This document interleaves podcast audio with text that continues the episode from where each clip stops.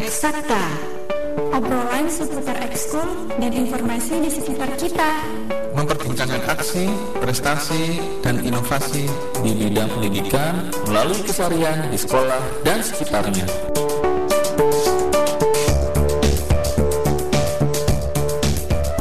Assalamualaikum warahmatullahi wabarakatuh. Halo apa kabar? Sahabat edukasi Senang sekali di kesempatan hari ini Eksakta kembali mengudara ya Hari ini kita akan kembali mengajak para guru untuk berbagi praktik baik pembelajaran Khususnya di era pandemi COVID-19 yang masih berjalan hingga hari ini ya. Sudah dua semester lebih jadi masuk semester ketiga.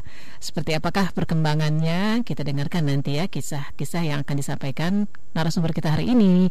Ada tiga orang duta rumah belajar dan juga ada seorang wakil kepala sekolah ya yang semuanya tersebar di seluruh Indonesia jadi hari ini kita mengundang duta rumah belajar dari Provinsi Jawa Barat dari Provinsi Sumatera Barat dan juga Provinsi Jambi serta seorang narasumber lagi wakil kepala sekolah dari Makassar, Sulawesi Selatan ya. Tapi sebelum kita bertemu menyapa para narasumber hari ini, kita dengarkan dulu satu persembahan berikut.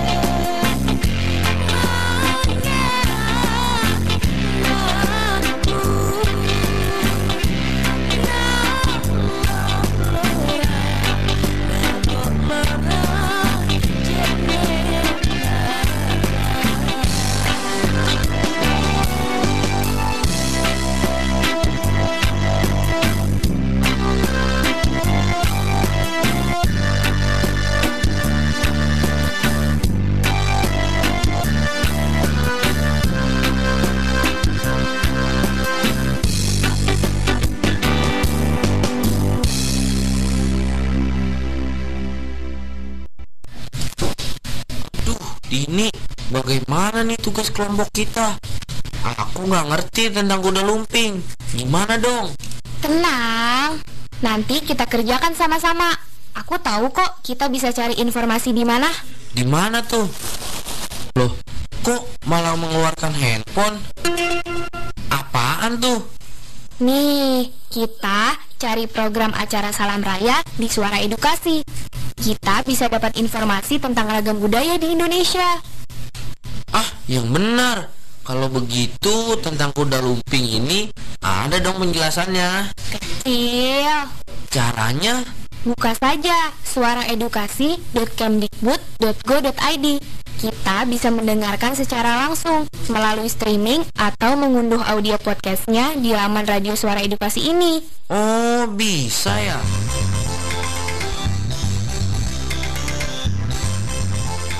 Sahabat edukasi, Indonesia, negeri yang kaya akan adat istiadat, tempat bersejarah, kesenian, dan budayanya. Semua dirangkum dalam Salam Raya, satu dalam ragam budaya.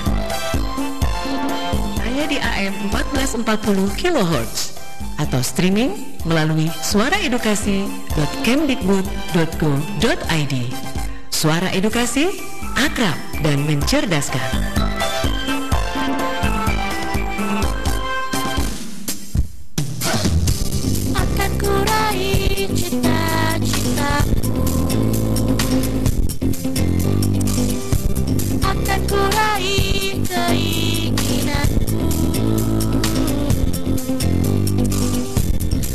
Belajar bersama. Di suara edukasi Beragam edukasi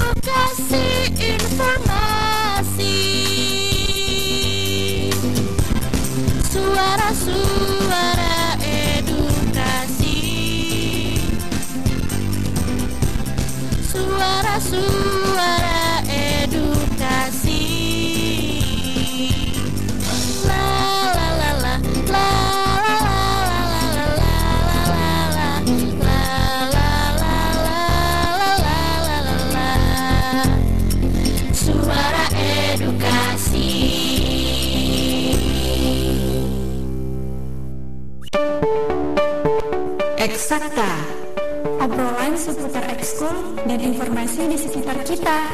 Memperbincangkan aksi, prestasi, dan inovasi di bidang pendidikan melalui keseharian di sekolah dan sekitarnya.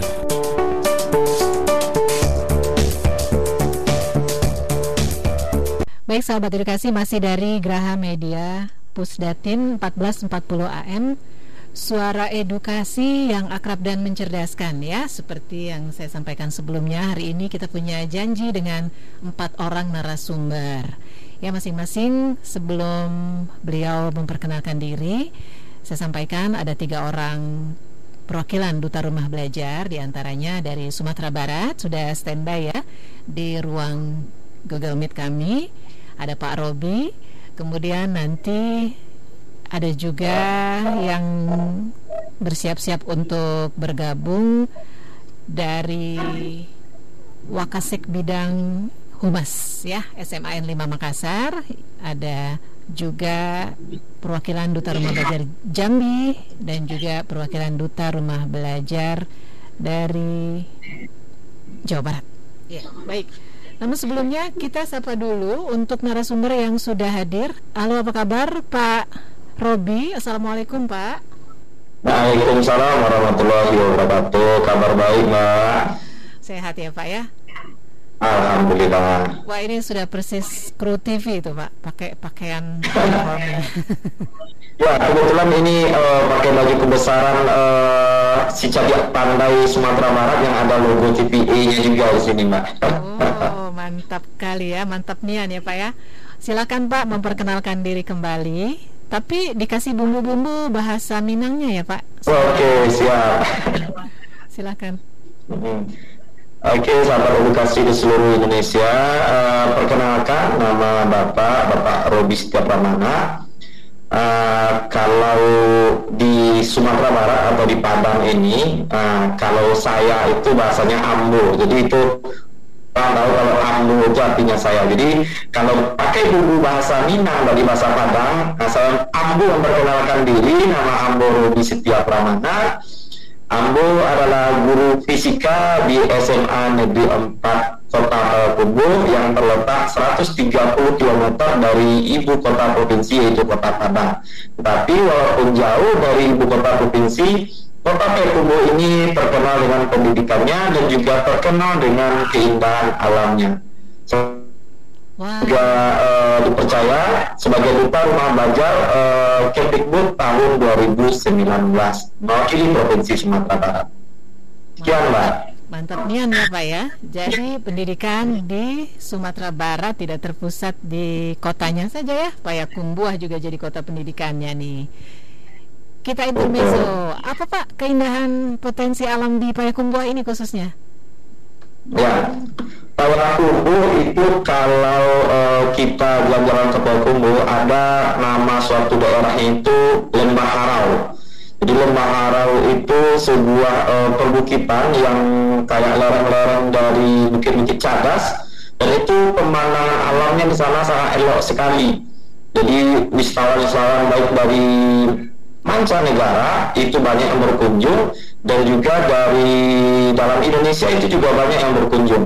Sekeliling dari wisata juga banyak wisata-wisata lainnya, ada namanya Kapalobamba, ada Ngalau. Kalau Ngalau itu sebuah goa, yang mana goa itu sangat besar sekali dan itu eh, menjadi sebuah objek wisata. Sangat banyak sekali relief-relief di dalamnya yang eh, bisa menjadi objek pembelajaran bagi siswa yang berkunjung ke dalam gua Ngalau tersebut. Nah, itu di antara objek wisata yang ada di Payakumbuh dan sekitarnya ini, Mbak. Wah, mudah-mudahan suatu saat suatu saat nanti kita bisa singgah ya ke objek-objek wisata nan indah di Payakumbuh. Amin, mudah-mudahan Mbak. Itu kalau nggak kalau nggak eh, ke Harau ini, kalau ke Sumatera Barat itu kurang rasanya Mbak. Jadi kalau ke Sumatera Barat itu ke Jam Gadang, habis ke Jam Gadang baru ke Harau. Itu baru pas dikatakan sudah sampai di Sumatera Barat. Iya, jadi waktunya harus cukup ya Pak ya, minimal satu minggu begitu ya.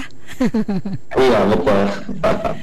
Nah, mengawali kesempatan berbagi kali ini, boleh tahu nggak Pak, ini riwayat Pak Robi mengajar itu seperti apa sih secara singkat? Kapan, di mana? Pesan pertama menjadi seorang guru tuh seperti apa? Apa langsung mengajar Iya. SMA atau gimana?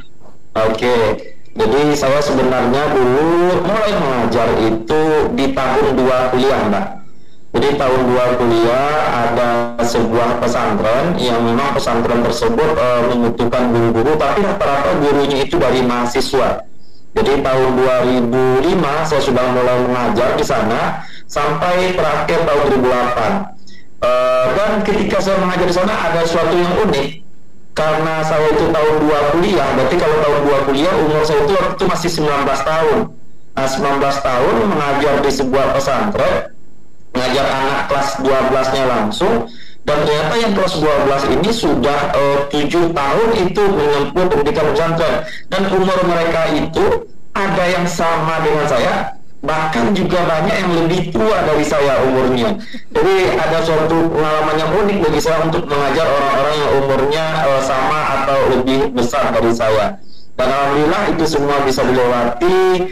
Tahun 2008 saya wisuda, lalu mulai honor di beberapa sekolah di kampung saya di Kota Padang Panjang, lalu akhirnya tahun 2009 saya terangkat menjadi eh, PNS di sebuah SMK pelayaran tepatnya di Pasaman Barat Eh, selama lebih kurang empat tahun lalu saya ditarik ke SMA di kota di ibu kota Kabupaten Pasaman Barat itu SMA Istiqomah. Dan tahun 2016 saya pindah ke SMA 2 Bukit Tinggi. Jaraknya cuma satu kilo dari Jam Gadang dan lebih kurang empat tahun saya di SMA 2 Bukit Tinggi itu. Halo, Pak Robi mohon maaf, suaranya tidak terdengar, sayang sekali. Kita nostalgia lagi deh dengan kampung nan jauh di Mato. Sambil kita nantikan para narasumber berkumpul kembali di ruang Google Meet yang kami sediakan.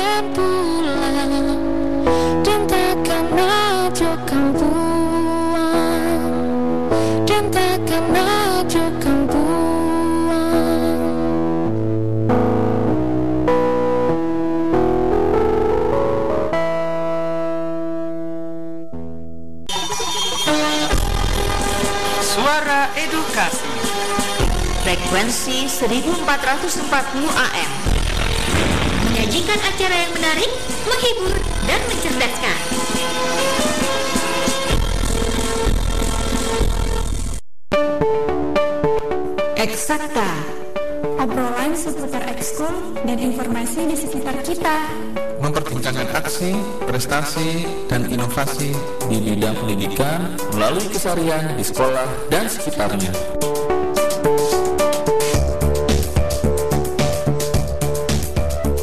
Baik sahabat Nggak? Ya baik, kembali lagi dari Graha Media Plus Datin 1440 AM Suara Edukasi yang akrab dan mencerdaskan ya Satu persatu narasumber kami kembali bergabung ya Walaupun ini secara bertahap ya Mengingat kesibukan masing-masing Jadi memang hari ini kita akan mencoba mengajak para guru untuk berbagi praktik baik pembelajaran di jenjang SMA itu seperti apa sih? Pasti ada karakter yang berbeda nih dari siswa-siswi di jenjang SMA yang harus ditaklukkan Bapak Ibu guru ya dengan segala kelucuannya, kesulitannya, seperti apa pengalamannya. Tadi narasumber yang pertama Bapak Robi dari Payakumbuh ya sudah bercerita sampai di tahun 2016 ya Pak ya dari riwayat mengajarnya boleh dilanjutkan Pak tadi mengajar di SMA 2 Bukit Tinggi selama kurang lebih empat tahun kemudian seperti apa Pak? Oke, eh, baik terima kasih Mbak. Eh, saya akan coba melanjutkan kembali cerita saya dari tadi mulai mengajar ketika tahun 2 kuliah, tepatnya tahun 2005 dulu. Dan sampai tahun 2016 saya di SMA tertua di Pulau Sumatera yaitu Peak School atau yang sekarang dikenal dengan SMA 2 Bukit Tinggi yang jaraknya itu hanya lebih kurang satu kilometer dari Jam Gadang dan Gua Jepang yang ada di kota Bukit Tinggi dan tahun 2016 akhirnya saya memutuskan menerima tawaran dan pindah ke SMA yang sedang berkembang. SMA yang baru berumur lebih kurang 9 tahun yang terletak di kota Rendang. Nah ini Payakumbuh ini kalau kita bicara masalah rendang ini Mbak nah, inilah sumber rendang di Sumatera Barat tepatnya di kota Payakumbuh jadi mulai tahun 2019 ini eh, 2019 kemarin saya mulai mengajar di SMA Negeri 4 Kota Payakumbuh yang juga dikenal dengan SMA Budaya. Wah, Oke Mbak. banyak julukannya ya. Kota Rendang, SMA-nya SMA Budaya dan selanjutnya ya. Nah, sekarang ada narasumber yang lain juga yang sudah bergabung dipersilahkan Ibu Najmatul Widadi dari SMA N 5 Makassar. Silakan Bu memperkenalkan diri. Boleh ditambah disisipi bahasa Makassarnya Bu ya? Tadi bahasa orang Minang sudah. Silakan. Tidak pasti Bu. Baik. Hanya numpang di Makassar doang. Baik, Assalamualaikum warahmatullahi wabarakatuh dan selamat eh, siang menjelang sore. Eh, sahabat sahabat edukasi di seluruh Nusantara. Uh, siang hari ini merupakan kesempatan yang sangat berbahagia tentunya karena kita bisa saling menyapa dan saling bertukar informasi tentang praktek baik pembelajaran. Bagi saya ini merupakan program yang sangat baik karena melalui sharing yang dilakukan kita dapat meningkatkan kualitas pembelajaran di era pandemi ini. Baik sahabat edukasi, perkenalkan saya Najma Kumidadi, asal instansi SMA Negeri Makassar, eh, mengampu mata pelajaran geografi dan sosiologi. Eh, kemudian kalau pengalaman mengajar mungkin di antara eh, empat eh, teman-teman yang hadir pada siang hari ini, mungkin saya yang paling senior ya dalam tanda kutip menjadi abdi negara itu sejak tahun 1999 uh, atau tepatnya 22 tahun yang lalu. Iya. Saya kira itu. Iya, terima kasih.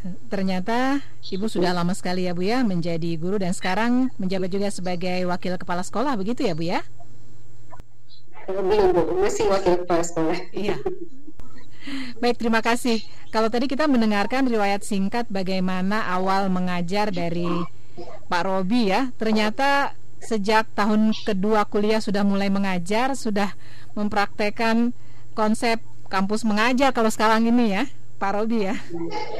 Nah, sekarang gimana? Cerita dari Ibu Najmatul awal-awal mengajar dahulu, Bu. Riwayat singkatnya.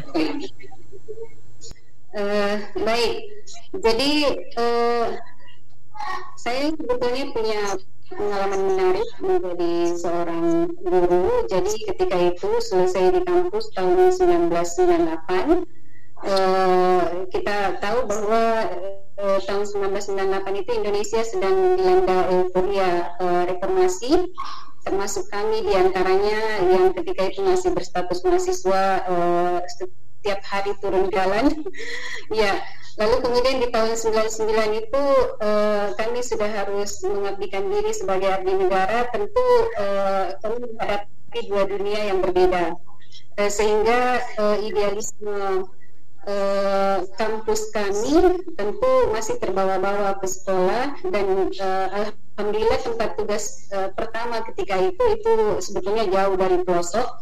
Uh, dan kebetulan uh, itu adalah sekolah baru baru buka ketika itu dan kami yang memulai sehingga betul-betul kami yang baru selesai dari kampus itu betul-betul memberikan warna terhadap uh, iklim uh, pembelajaran di sekolah ketika itu gitu jadi mirip ya Bu ya pengalamannya ya ini mahasiswa-mahasiswa hmm. mengajar ya pada zamannya ya betul iya Berarti Pak Robi menjadi guru fisika dan Ibu Najmatul menjadi guru geografi dan sosiologi.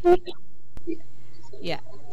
Nah, sekarang ingin tahu juga ini apa sih sebenarnya pengamatan Bapak Ibu tentang siswa-siswi jenjang SMA ini ada kesulitan tertentu atau tidak nih menghadapi mereka dengan usianya ya?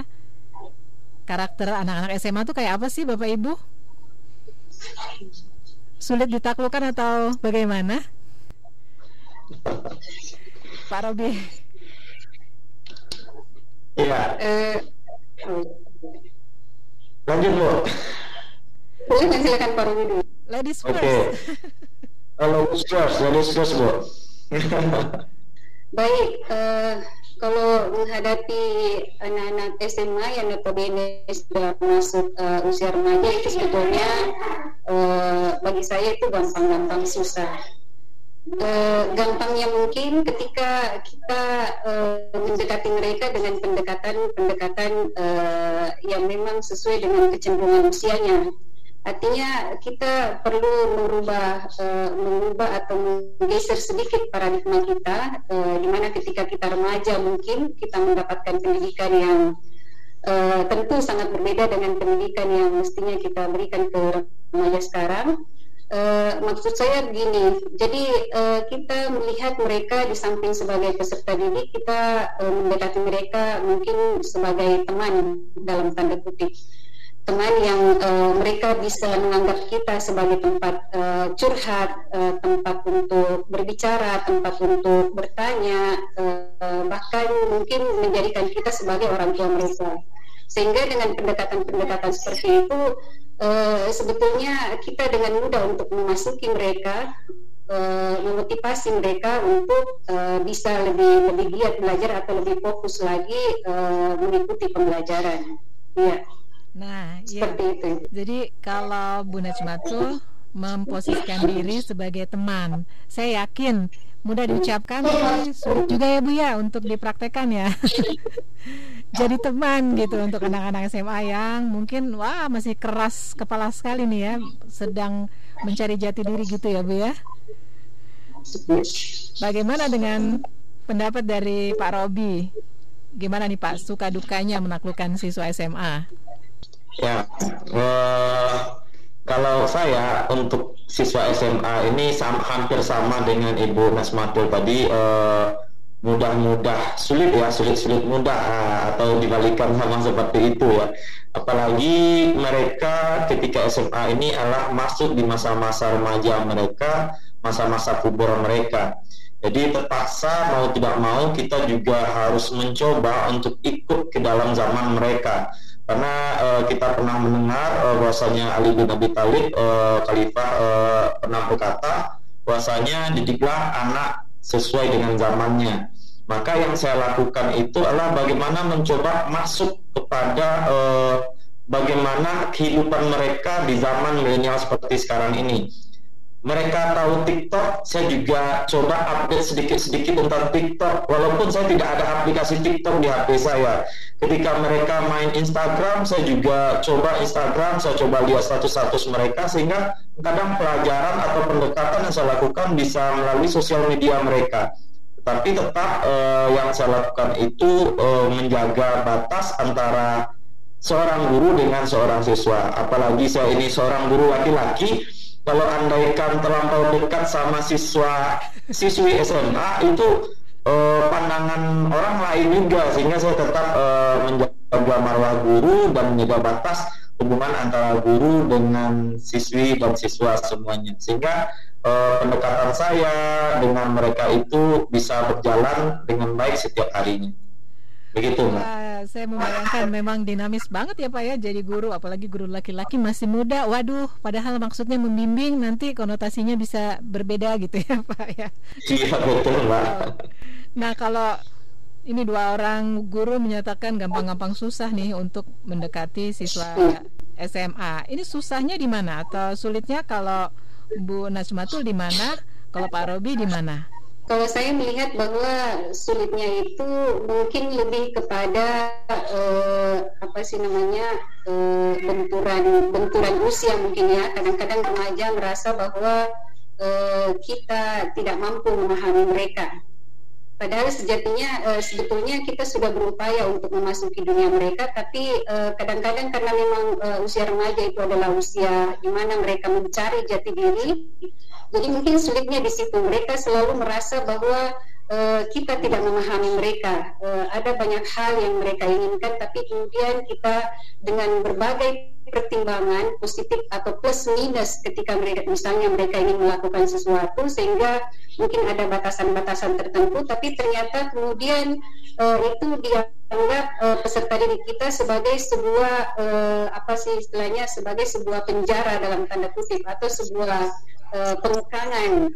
Uh, ya, jadi uh, menurut saya itu mungkin lebih kepada uh, apa sih namanya persepsi dari peserta didik kita yang uh, mereka menganggap bahwa kita tidak memahami mereka. Iya ya, jadi ada metode yang harus terus digali nih yang pas bagaimana sih komunikasi dengan mereka ya. Kalau Pak ya, sulitnya di mana Pak Rosi? Ya. Selain ya sulitnya karena tadi itu Bu, jiwa muda mereka. Jadi ketika kita itu tidak pas masuk ke mereka, yang terjadi itu uh, terjadi sebuah uh, pembangkangan atau perlawanan. Baik itu perlawanan mereka itu secara terang-terangan yang Pak saya ini nggak suka loh diginiin atau mereka itu perlawanan itu secara apa ya oh, tidak tersirat, tapi apa yang kita bilang itu mereka tidak dengar. Sebagai contoh saja, misalkan kita menerapkan aturan disiplin di sekolah yang bahasanya rambut tidak boleh panjang, baju tidak boleh keluar, ah, mereka itu bilang ah pak ini kan kita lebih gantung lagi kalau bajunya keluar. Lalu saya mencontohkan coba kamu lihat bapak. Bapak baju bapak selalu masuk. Bapak dapat istri juga kok. Bapak juga uh, dapat istri yang cantik juga kok. Jadi kalau kamu mau istilahnya ganteng atau segala macam itu relatif. Nah, tetapi ini aturan sekolah kita, kita untuk menanamkan karakter kepada peserta didik, ya kamu harus ikuti aturan sekolah. Yang mau nerima ya nerima. Yang akhirnya yang nak mau nerima pas depan kita dimasukkannya bajunya udah lewat belokkan satu kelas dikeluarkan lagi bajunya itulah dinamika anak SMA karena memang ya umur mereka itu sudah lumayan besar dari 5, 16, 17, 18 ya agak susah juga kita untuk uh, keras kepada mereka jadi memang pendekatan-pendekatan yang secara lembut, yang dari hati ke hati kepada mereka itu mungkin yang lebih efektif kalau di SMA. Iya, Iya ya. betul sekali Kak Ruby. Gimana nih, Bapak Ibu makan hati atau ya diterima itu sebagai eh, ya memang keadaannya begitu atau gimana sih sebetulnya kalau merespon anak-anak yang tanda kutip ya melakukan pembangkangan ya karena memang intinya mereka kayak mau menunjukkan ini saya ngerti kok yang terbaik buat saya nggak mau diatur-atur begitu ya. Ya, jadi eh, memang kadang-kadang makan hati itu lebih sering ya Mbak kalau bicara kita untuk bagaimana eh, pendekatan kepada siswa-siswi SMK ini ketika kita lagi eh, menangani kasus, ketika kita lagi mencoba eh, mendekati mereka, karena kita urut-urut dada saja. Tetapi setelah selesai masalahnya, setelah selesai atau mereka tamat, itu menjadi memori indah bagi mereka. Oh dulu saya ini pernah loh, saya begini dulu sama Pak Robi, saya disuruh masukin baju. Nah, saya nanti di tikungan saya keluarin baju ah, itu jadi cerita indah bagi mereka. Nah, jadi memang walaupun kita kadang-kadang urut-urut dada itu di sekolah, tapi tetap eh, sesuai dengan eh, apa yang kita harapkan sama mereka apa yang kita niatkan sama mereka untuk mereka lebih baik dan akhirnya ketika mereka sudah tamat mereka sudah sukses uh, mereka bilang Pak Ibu ini kalau nggak dekat arahan Bapak Ibu uh, dari dulu mungkin saya nggak jadi orang seperti pada saat ini ya itu yang sering kita temui pada siswa-siswa kita ini Mbak Nah, ya ya betul. Itu juga mungkin dialami ya oleh banyak guru-guru di seluruh Indonesia punya pengalaman yang mirip-mirip ya. Nah kalau tadi itu kan masalah karakter siswa. Kalau sekarang dikaitkan dengan mata pelajaran yang Bapak Ibu guru ampu, sebenarnya kesulitan apa yang biasa ditemui dalam menyampaikan materi maupun dalam penerimaan siswa terhadap materi tersebut. Kalau Pak Robi fisika ya? iya Kalau di mapel fisika nih, biasanya apa sih Pak faktor kesulitan yang sering kali muncul? Keluhannya apa? Jadi eh, pada semester ini ada suatu kecemasan bagi saya pribadi dan juga mungkin bagi guru-guru lainnya karena kalau pada semester kemarin kita full online. Sedangkan pada semester ini eh, untuk di Sumatera Barat tepatnya atau di Kota Payakumbuh ini kita sudah masuk tatap muka tapi menggunakan sistem shifting. Satu hari masuk eh, belajar di sekolah, satu hari belajar di rumah. Jadi ketika aturan ini dikeluarkan oleh Dinas Pendidikan eh, dan juga eh, tentang sistem shifting ini, jadi saya pikirkan berarti satu orang siswa dalam waktu satu minggu itu cuma belajarnya sama saya satu kali secara tatap muka. Kalau satu kali eh, tatap muka selama satu, eh, dua minggu berarti satu bulannya dua kali. Kalau enam bulan berarti dua ke enam cuma 12 kali eh, siswa ini tatap muka dengan guru yang bersangkutan. Kalau 12 kali eh, yang biasanya kita 24 kali pasti target atau eh, apa kompetensi yang akan kita kejar atau kita capai untuk siswa-siswi kita ini tidak akan tercapai. Jadi karena eh, keadaan seperti itulah tambah lagi kita diberi akun oleh Kemdikbud yaitu Kemdikbud eh, akun pembelajaran pembelajaran.id saya mencari cara bagaimana caranya untuk siswa ini tetap dalam satu kali pertemuan itu walaupun yang boleh datang sebanyak 18 orang itu bisa belajar secara bersamaan. Akhirnya saya aktifkan akun pembelajaran, saya aktifkan juga saya ajak seluruh guru di sekolah saya untuk mengaktifkan akun pembelajaran itu dan siswa juga mengaktifkan akun pembelajaran. Jadi dengan akun pembelajaran atau akun belajar ID ini sangat banyak sekali kemudahan siswa dalam melakukan PBM.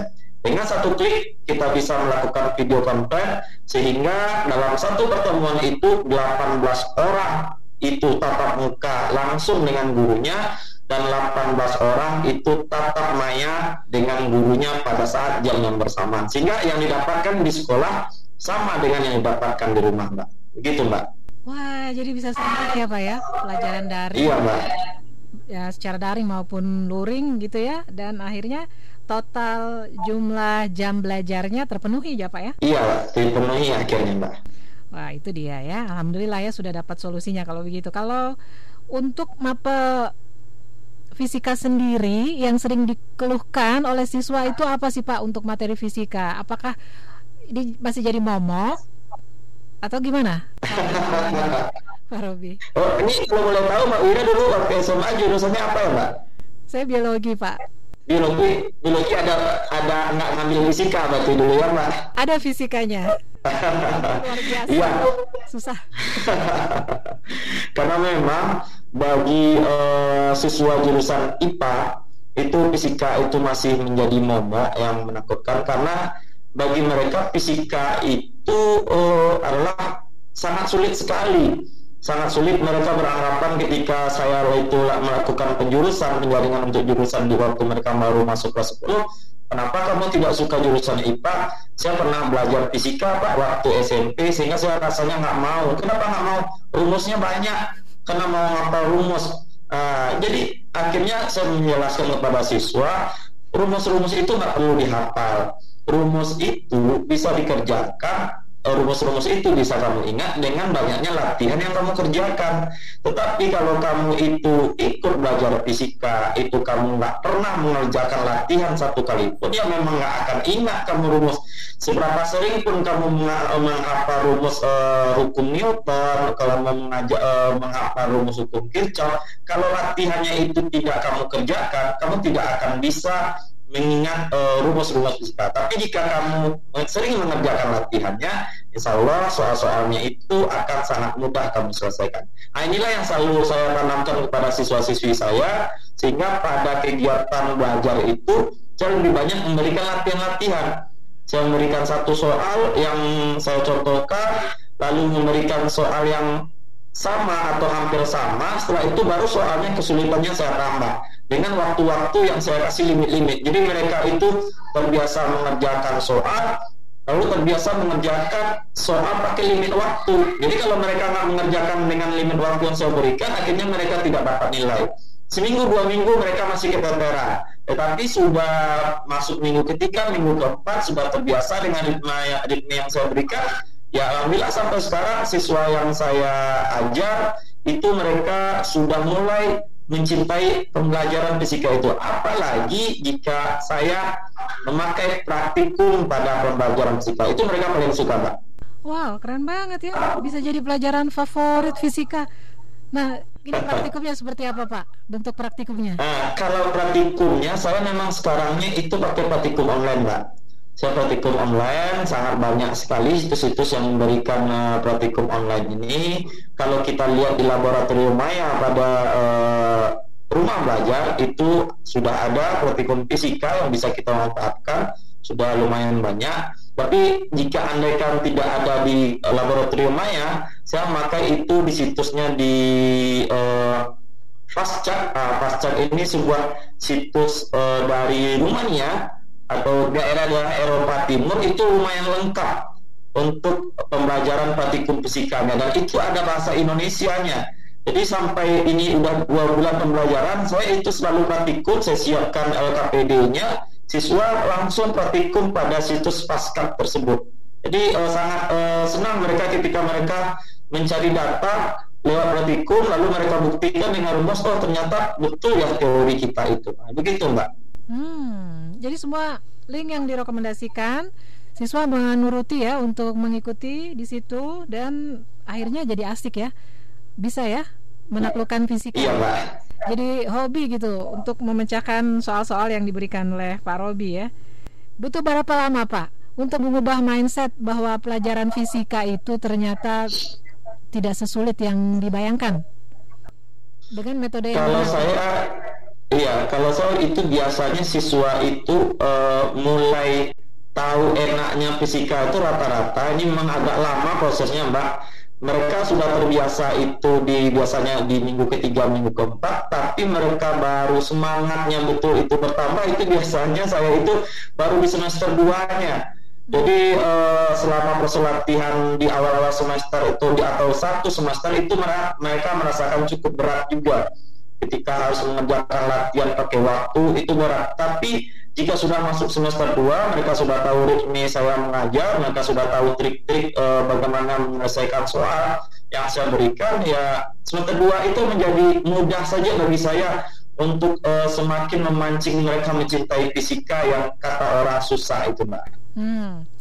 sekarang apa pak materi yang diberikan per semesternya? Mungkin secara garis besar kalau kelas 10, 11, 12 materi apa saja nih yang diberikan untuk mapel fisika? Ya, uh, tambahan uh, satu lagi di semester ini selain saya menggunakan uh, media online tadi media praktikum, saya juga alhamdulillah dipercaya oleh uh, Kemdikbud itu lebih tepatnya di Direktorat Jenderal Guru dan Tenaga Pendidikan sebagai salah satu penulis buku pembelajaran berbasis aktivitas. Jadi di buku pembagian aktivitas ini sekarang itu masih proses cetak di Kemdikbud. Mudah-mudahan dalam waktu satu atau dua bulan ini bukunya akan launching. Itu di sana kami eh, tim pembelajaran berbasis aktivitas Kemdikbud itu merancang pembelajaran yang mana pembelajaran itu mulai dari kegiatan kita sehari-hari. Jadi apalagi seperti sekarang di kelas eh, 10 itu belajar tentang usaha dan energi jadi nanti mereka diminta untuk mencari sebuah beban, lalu mereka diminta untuk mengangkat beban, apa yang mereka rasakan, mereka disuruh untuk menimbang beban tersebut dengan mencari timbangan, sehingga memang fisika itu ada di sekitar mereka dan mereka melakukan itu. Dan di buku yang saya tulis itu di buku kelas 12 tentang gelombang elektromagnetik, mereka itu mencoba praktikumnya dengan melihat siaran televisinya Nah, saya ini mencoba mencontohkan, misalkan kita itu e, mendengarkan suara, mendengarkan radio. Jadi kalau radio RRI di kota di Sumatera Barat ini ada di kota Padang, sedangkan stasiun TVRI itu beradanya di kota Bukit Tinggi. Nah, jarak dari e, Payakumbuh ke Padang itu 130 kilo, sedangkan ke Bukit Tinggi cuma 30 kilo.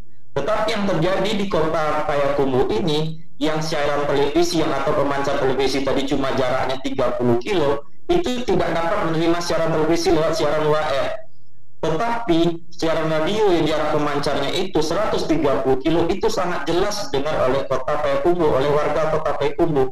Nah di sana saya masuk bahwasanya eh, panjang gelombang televisi itu lebih pendek dari panjang gelombang radio. Nah, itu masuk dalam materi berbasis aktivitas yang kami rancang di eh, Kemdikbud Wah, keren banget.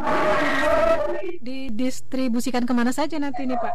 Buku yang... Ya, nanti Iya, Dirjen GPK itu biasanya akan memberikan linknya uh, jika sudah selesai. Sekarang itu tahap finishing untuk uh, eh, ISBN-nya nanti akan didistribusikan melalui uh, jejaring sosial, baik itu dalam bentuk PDF ataupun dalam bentuk draft dibagikan ke provinsi-provinsi nanti. Hmm.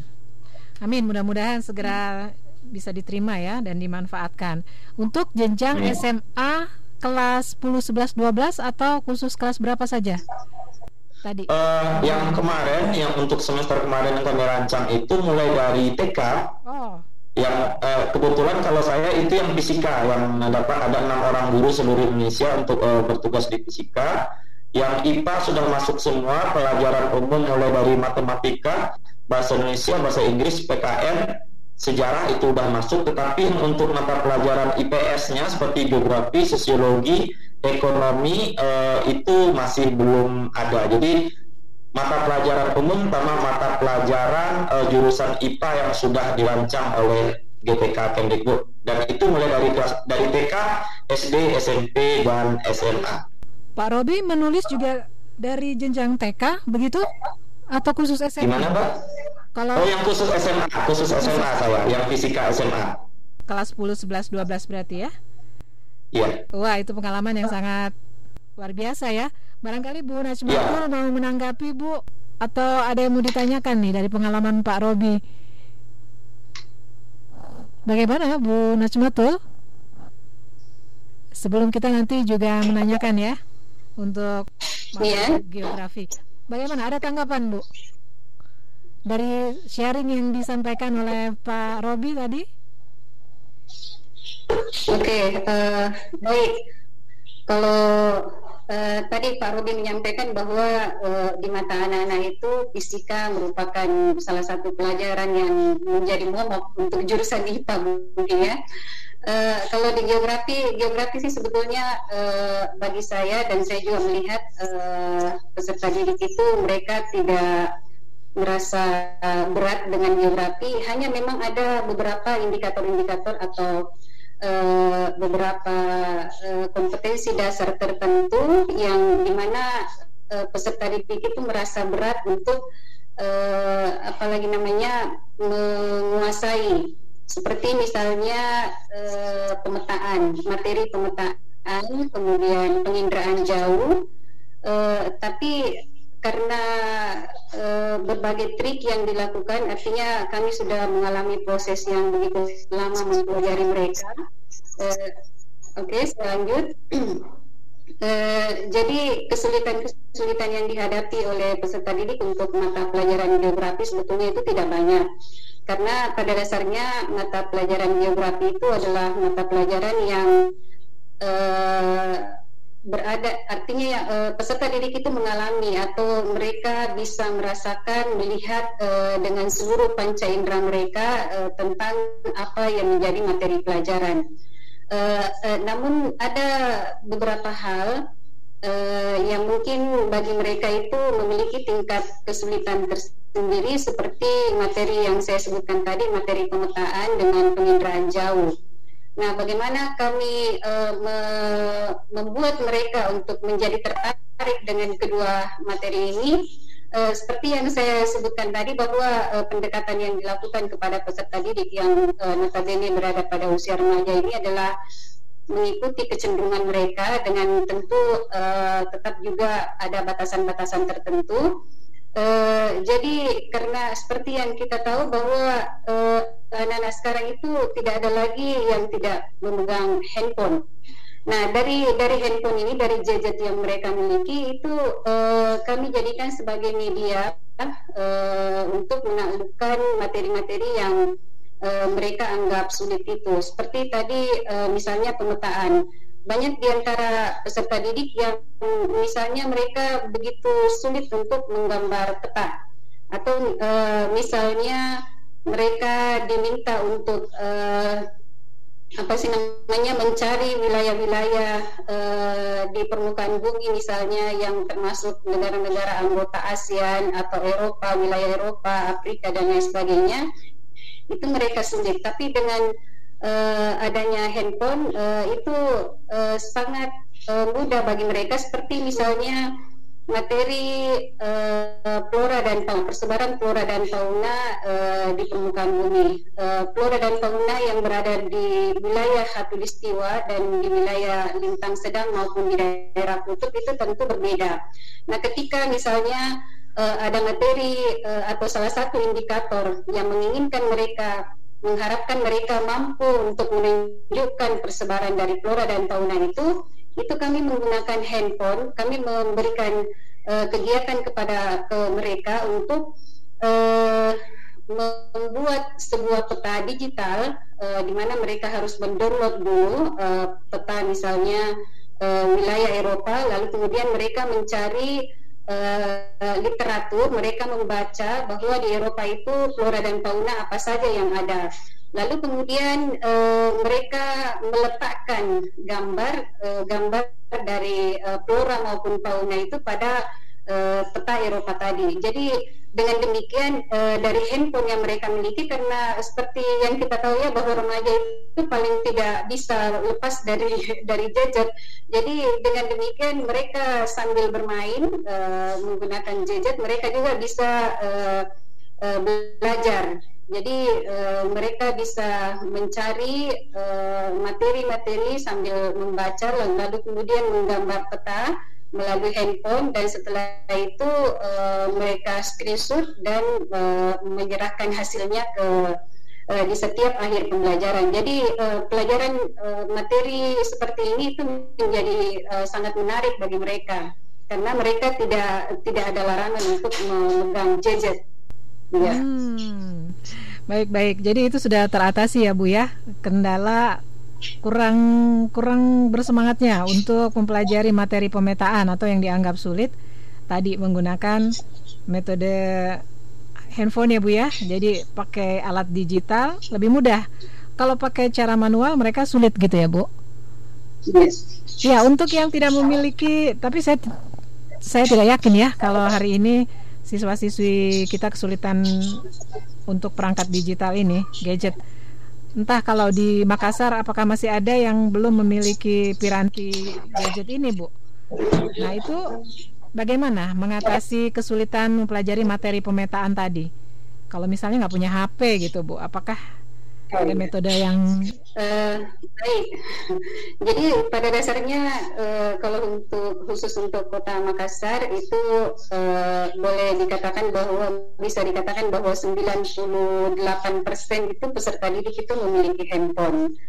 Uh, adapun kalau misalnya uh, misalnya ada kasus bahwa ada uh, peserta didik yang tidak memiliki handphone itu biasanya kami atur di dalam kelas. Uh, kami uh, misalnya memberikan tugas berkolaborasi, misalnya dua orang dua orang, karena dengan demikian juga itu bisa mempercepat penyelesaian tugas. Anggaplah misalnya kita memberikan uh, latihan ke mereka dalam 22 jam pelajaran, tentu ketika mereka berkolaborasi dengan teman sebangkunya misalnya, itu uh, bisa lebih cepat penyelesaiannya. Jadi dengan cara seperti itu untuk uh, yang kami gunakan untuk mengatasi peserta didik yang memang betul-betul tidak memiliki handphone.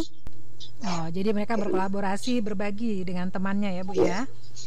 Nah, itu tadi untuk mata pelajaran geografi yang temanya tentang pemetaan. Kalau penginderaan jauh, solusinya seperti apa, Bu? Uh,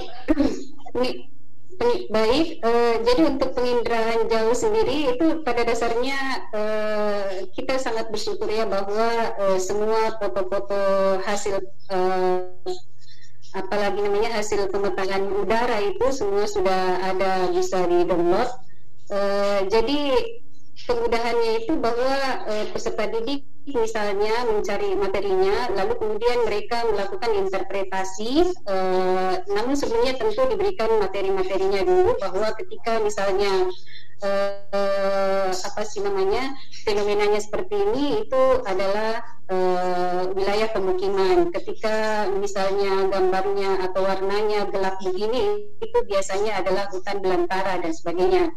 Uh, jadi uh, maksud saya begini ketika misalnya uh, peserta didik memang belum belum uh, memiliki handphone itu mendapatkan foto udara itu itu betul-betul sebetulnya uh, sangat sulit ya.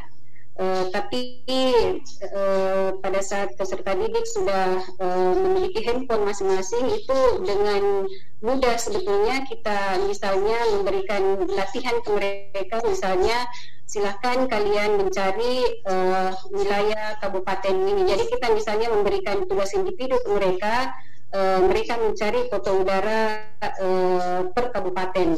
Ya, dari situ hasil foto udara yang mereka screenshot itu itulah yang kemudian mereka print out atau bisa juga mereka tidak print out langsung di uh, apa sih namanya di mereka perbesar saja di handphone. Lalu kemudian mereka melakukan interpretasi tentang fenomena-fenomena yang ada pada gambar tersebut. Iya, seperti hmm. itu. Iya, selain tadi himbauan untuk berbagi ya kepada temannya yang tidak memiliki perangkat walaupun hanya 2%. Mungkin ada apa nih upaya dari pihak sekolah untuk menyediakan atau membantu sarana bagi siswa tersebut? Iya. Terima kasih Bu. Jadi uh, selama pandemi ini Uh, kami pihak sekolah uh, betul sekali uh, kami memfasilitasi peserta didik yang uh, memiliki kesulitan yang memang uh, misalnya tidak memiliki handphone atau mungkin handphonenya sedang bermasalah uh, itu kami memfasilitasi uh, apa uh, tablet. Kebetulan sekolah kami itu menerima bantuan uh, berupa 500 uh, tablet jadi itulah yang uh, kami fasilitasi ke peserta didik. Jadi mereka di di uh, artinya wali-wali kelas mendata setiap peserta didik yang ada di kelasnya siapa yang memiliki kesulitan untuk uh, ikut pembelajaran daring maka mereka diminta untuk datang ke sekolah mengikuti pembelajaran dengan catatan uh, mereka membawa surat izin dari uh, orang tua masing-masing. Ya, jadi kami memfasilitasi uh, tablet dengan wifi tentunya jadi di akhir pembelajaran mereka pulang. Uh, tapi uh, ini juga sebetulnya agak lucu ya karena uh, mereka harus datang ke sekolah dengan menggunakan pakaian biasa tapi harus lodging harus meeting harus melakukan zoom dengan guru mata pelajaran masing-masing dengan pakaian lengkap.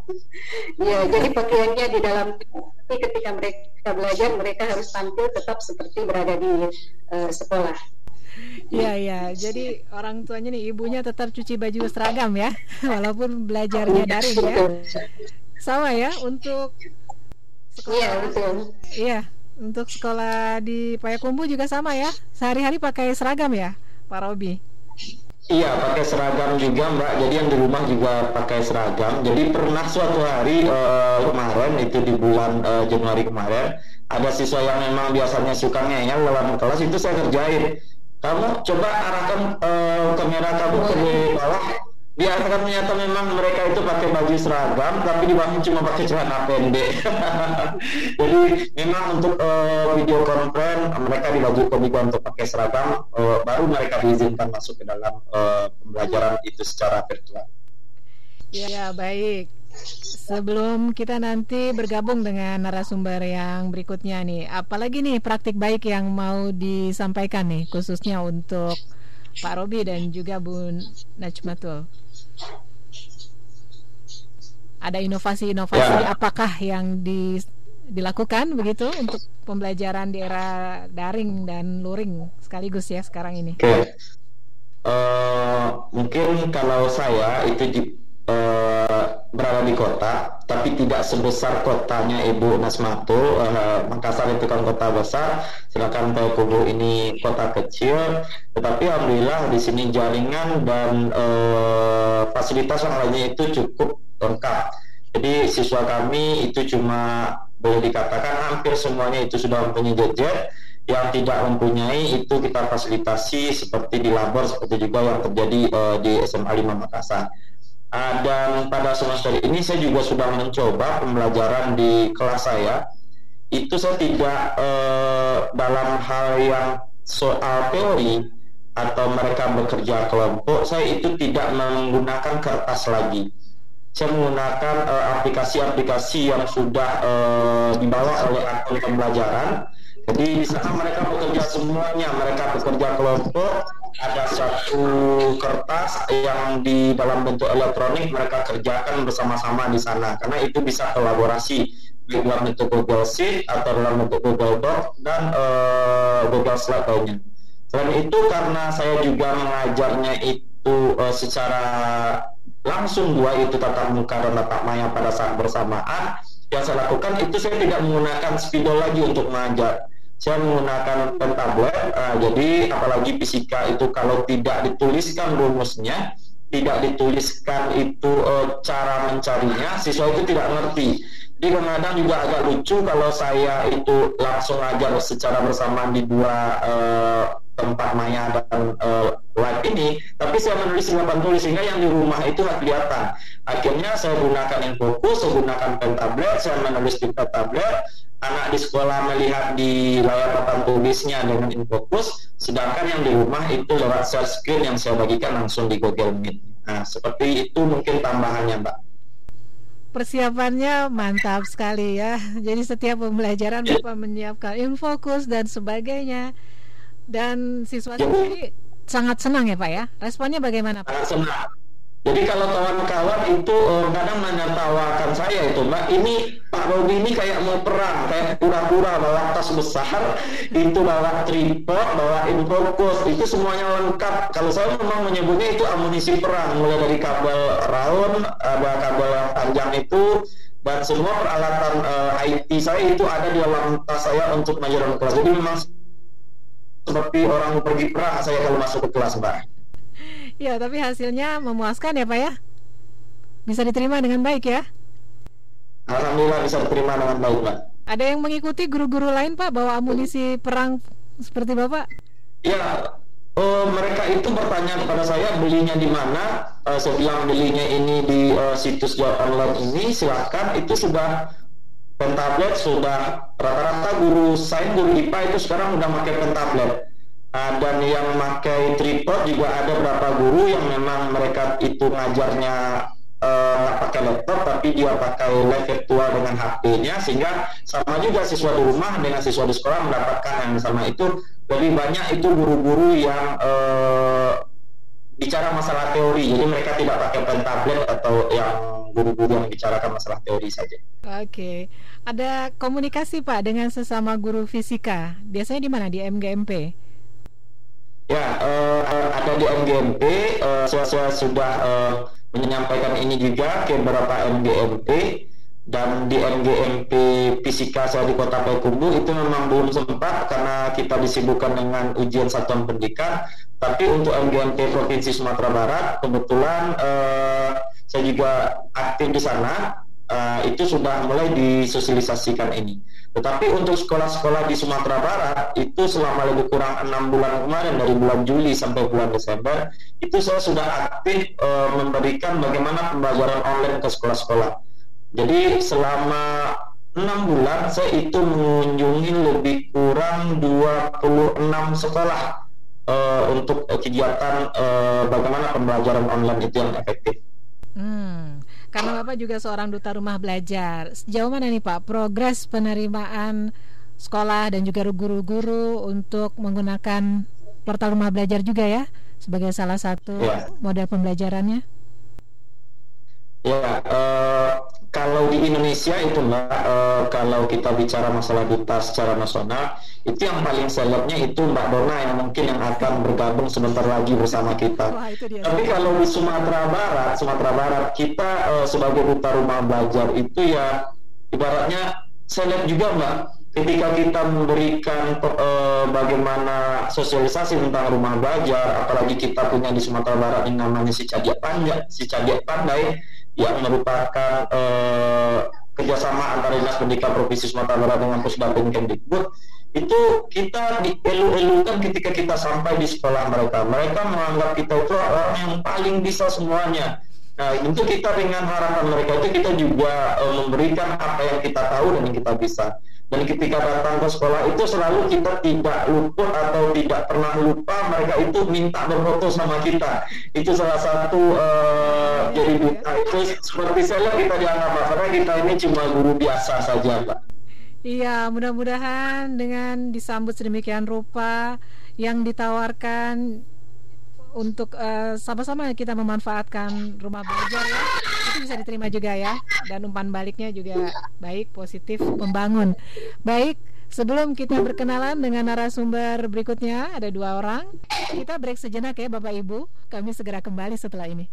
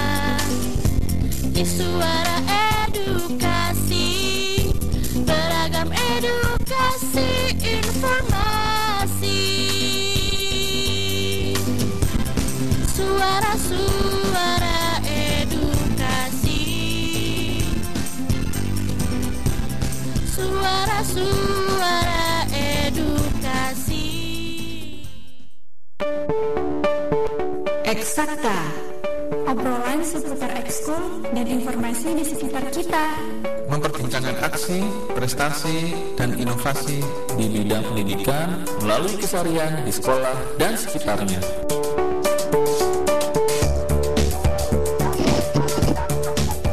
Masih dari Graha Media Plus Datin 1440 AM Suara Edukasi yang akrab dan mencerdaskan Nah sekarang kita sudah bergabung dengan narasumber yang ketiga Ibu Dona Yulia Sari ya Mohon langsung memperkenalkan diri Bu Dona Ini katanya bintangnya dari Duta Rumah Belajar nih kata Pak Robi Aduh, Bang gak usah percaya sama ini sih saya manggilnya eh, Pak Robi ini adalah Uda Robi. Uda Robi. Jangan percaya dengan katanya Uda Robi, saya mah orang biasa sama seperti yang lainnya.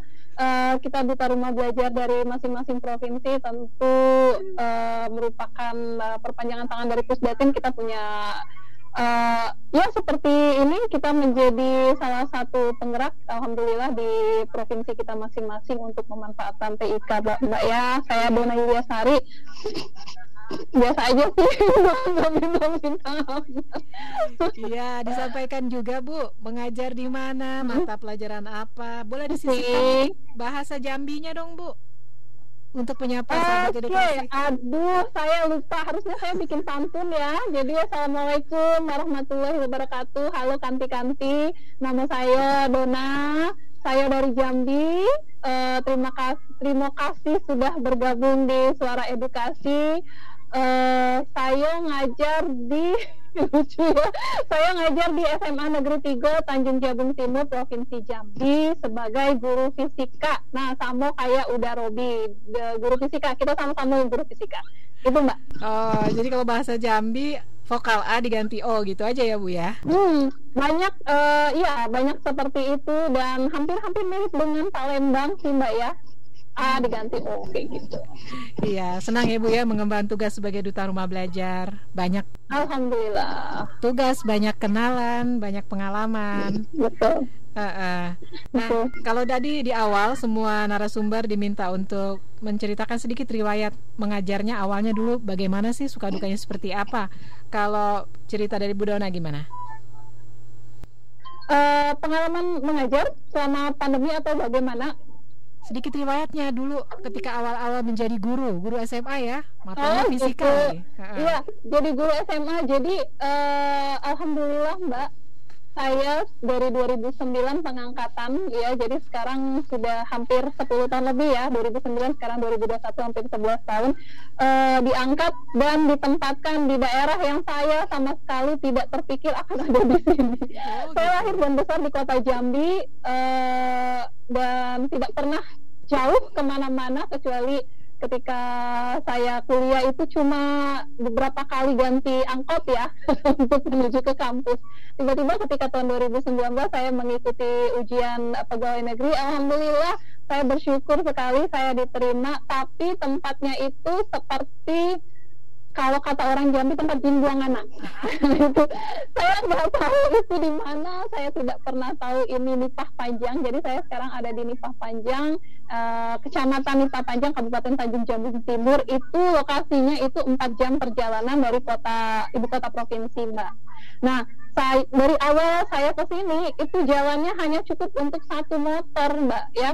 Jadi kita ke sini kiri kanan jalan itu eh, semak, semak belukar, pohon-pohon, ya pokoknya sangat tidak saya ya ampun kok bisa ya ada di sini rasanya pingin pulang gitu kan karena karena biasa hidup di kota mbak. Jadi tiba-tiba saya ditakdirkan untuk berbakti di nipah panjang ini saya tidak menyangka sekali Alhamdulillah akhirnya sampai 11 tahun. Begitu banyak sudah pengalaman yang rasanya luar biasa sekali saya alami di sini. Dari yang tadi saya bilang jalannya hanya cukup untuk satu motor. Sekarang eh, truk pun bisa lewat. Walaupun sekarang akses untuk menuju ke kota itu sempat putus. Jadi kita seperti dianaktirikan mbak jadi menuju ke daerah saya ini jalannya jelek sekali karena kita kan di sini pinggir sungai ya mbak ya pinggir sungai Batanghari Eh, tentu apa kalau misalnya jalannya itu tidak dibeton walaupun di aspal terus apalagi dilewati oleh mobil-mobil sawit itu kan pasti ambruk ya lama kelamaan ya. Nah itu sempat putus jalan kita. Jadi sempat saya pulang ke sini dari kota Jambi itu kemarin terakhir saya harus 9 jam, 9 sampai 10 jam di mobil hanya untuk menunggu jalannya eh, bisa dilewati. Itu Mbak. Itu jadi pengalaman pengalaman kalau cerita pengalaman mengajar ya alhamdulillah saya banyak eh, banyak banyak sekali yang saya rasa eh, bisa menjadi pengalaman yang berharga sekali ketika saya mengajar di sini di tempat yang kata orang jauh dari peradaban yang tidak terjamah dengan teknologi tapi ternyata tidak seperti itu begitu mbak Hmm, sebagai daerah yang lumayan jauh dari ibu kota provinsi agak terisolir gitu. Di masa pandemi ini seperti apa Bu pembelajarannya? Hmm. Sarana internetnya? Hmm. Hmm, hmm. Jadi Mbak, eh, kalau di Jambi itu apalagi di kabupaten ya di kecamatan saya ini hanya ada untuk uh, SMA-nya hanya ada tiga SMK satu SMA saya satu dan MAN satu jadi kita satu-satunya SMA di sini di kecamatan ini. Ya uh, alhamdulillah walaupun seperti itu walaupun jauh dari ibu kota provinsi tapi kita ada jaringan ya seperti ini yang saya alami sekarang walaupun naik turun ya uh, fluktuatif ya kadang bagus kadang kadang hilang apalagi ketika lampu mati dia ikut hilang. Tapi alhamdulillah masih bisa tercover. Nah ketika ketika saya masuk uh, ke SMA memang pada saat uh, pada 2009 itu uh, jaringan kita di sekolah tidak begitu baik belum ada jaringan internet tapi alhamdulillah setelah berjalannya waktu kita sudah punya tower sendiri, kita punya jaringan internet sendiri. Nah, permasalahannya adalah semakin ke sini itu jaringan internet kita semakin tidak bagus dari providernya dari dari pusatnya. Sehingga pembelajaran uh, kita sempat kemarin sih, Mbak, sempat shift tapi e, ternyata keluar edaran bahwa ketika mengadakan shift itu kita harus memenuhi protokol dan aturan-aturan e, yang ketat yang diserahkan dulu kepada pusat ke, kepada ke pro, provinsi kemudian nanti diberikan lagi apakah sudah boleh tatap muka atau tidak. Nah, sempat kita tatap muka tapi setelah itu kita kembali PJJ dan akhirnya sekarang kita PJJ dengan berbagai uh, metode metode yang dilakukan oleh guru-guru. Semuanya tidak semuanya tidak melakukan metode yang sama pastinya, Mbak. Begitu, Mbak. Hmm, kalau untuk sekolah Ibu tuh status zona di wilayah itu untuk pandemi ini bagaimana, Bu? Hmm? Zona hijaukah atau oranye? Gimana, Mbak? Untuk zona pandemi Kita orange, Mbak. Oh, daerah saya Iya, jadi ada dua orang di sini yang sekarang masih dalam kondisi positif. Kalau kemarin ada eh, ada empat orang, tapi dua orang sudah negatif sudah kembali ke sini. Dua orang yang masih dirawat uh, dan ini kecamatan kecil. Tapi uh, seperti biasanya ya semakin jauh dari ibu kota Jadi untuk uh, melaksanakan protokol kesehatan kalau kita tidak pintar-pintar sendiri ya masyarakatnya seperti biasa tidak terlalu mengindahkan. Jadi memang harus kita yang pintar-pintar banget menjaga menjaga protokol kesehatan itu, Mbak. Mm -mm. Betul, Mbak. Jadi shift sempat berapa lama, Bu, diberlakukan? Shifting. Kita sempat shift sekitar satu bulan, Mbak. Mm. Mm -mm. Kemudian um, Halo? Ibu bisa bisa membandingkan hmm. bagaimana sekitar Oh iya, setelah ada metode PJJ dan juga sempat blended ya, shifting itu jadi antara luring dan daring gitu. Ibu bisa melihat mungkin perbedaan dari penerimaan siswa terhadap materi pelajaran yang diberikan signifikan atau tidak, Bu? Kemampuan siswa untuk menangkap pelajaran dengan sistem PJJ kemudian campuran kemudian kembali full PJJ ada keluhan atau apa? Halo? Dari ketiga sistem itu baik mbak. Bisa ditangkap? Putus-putus suaranya ya. Oh putus-putus ya. Jadi kan untuk siswa-siswi di bisa siap sekolah Mbak, ibu? Uh, bisa bisa saya tangkap tapi sepertinya delay. Oh begitu, baik. Boleh ditanggapi, silakan Bu. Antara PJJ, Siap. shift uh, jadi, dan ya. Uh, Ya, Mbak. Jadi uh, ketika kita melakukan PJJ, awalnya kita PJJ murni, ya ada banyak sekali kendala yang dialami, terutama ketika siswa-siswa kita tidak paham dengan apa yang dijelaskan. Tadi seperti yang disampaikan oleh Uda Robi, apalagi untuk fisika, apalagi untuk ilmu-ilmu eksak yang kalau cuma diomongin saja itu nggak paham gitu ya, walaupun kita sudah memberikan materi, uh, tapi tapi tapi tetap tetap ada anak-anak yang uh, pasti mereka tidak mereka butuh benar-benar dilihat gitu kan benar-benar butuh kita ada di dekat mereka. Nah makanya ber, bertolak dari itu sekolah me, mengadakan kebijakan oke okay, kita harus shifting seperti uh, tidak shifting sebenarnya tapi kita uh, mengurangi waktu untuk belajar. Jadi dalam satu hari anak-anak masuk itu sampai pukul 12 kemudian uh, kita punya waktu sekitar satu jam untuk memberikan penjelasan. Jadi kita tetap blend blended learning ya mbak. Jadi ada ada grup kelas ketika memberikan uh, materi. Kemudian nanti kita masuk ke kelas lagi pada saat itu pada saat shifting itu kita masuk ke kelas untuk uh, memberikan penjelasan lebih jauh apa sih yang yang harus eh, anak-anak uh, ini belum pahami dan harus kita jelaskan begitu mbak. Jadi sebenarnya bertolak dari itu bertolak dari betapa sulitnya ketika PJJ anak-anak ini tidak paham dengan hal-hal yang dijelaskan. Maka kita ambil kebijakan seperti itu sekolah. Nah, kemudian keluar lagi edaran sehingga uh, kita tidak boleh melakukan shifting ke uh, shifting uh, ketika belum ada perintah resmi. Maksudnya sekolah kita belum ditunjuk untuk boleh melakukan tatap muka. Jadi kita sekarang beralih kembali ke PJJ. Nah, ini muncul lagi kendala-kendalanya. Tapi sebisa mungkin kendala-kendala ini kita cover kita tutupi dengan uh, dengan kita mungkin bersama dengan siswa-siswanya guru-guru itu bersama-sama dengan siswanya itu tetap berkomunikasi dengan baik. Seperti itu mbak. Oke baik ya. Kalau tadi Pak Robi juga sudah menceritakan untuk fisika nih mapel fisika kesulitannya apa kemudian pendekatan metodologi yang diberikan yang cocok sekarang ini seperti apa.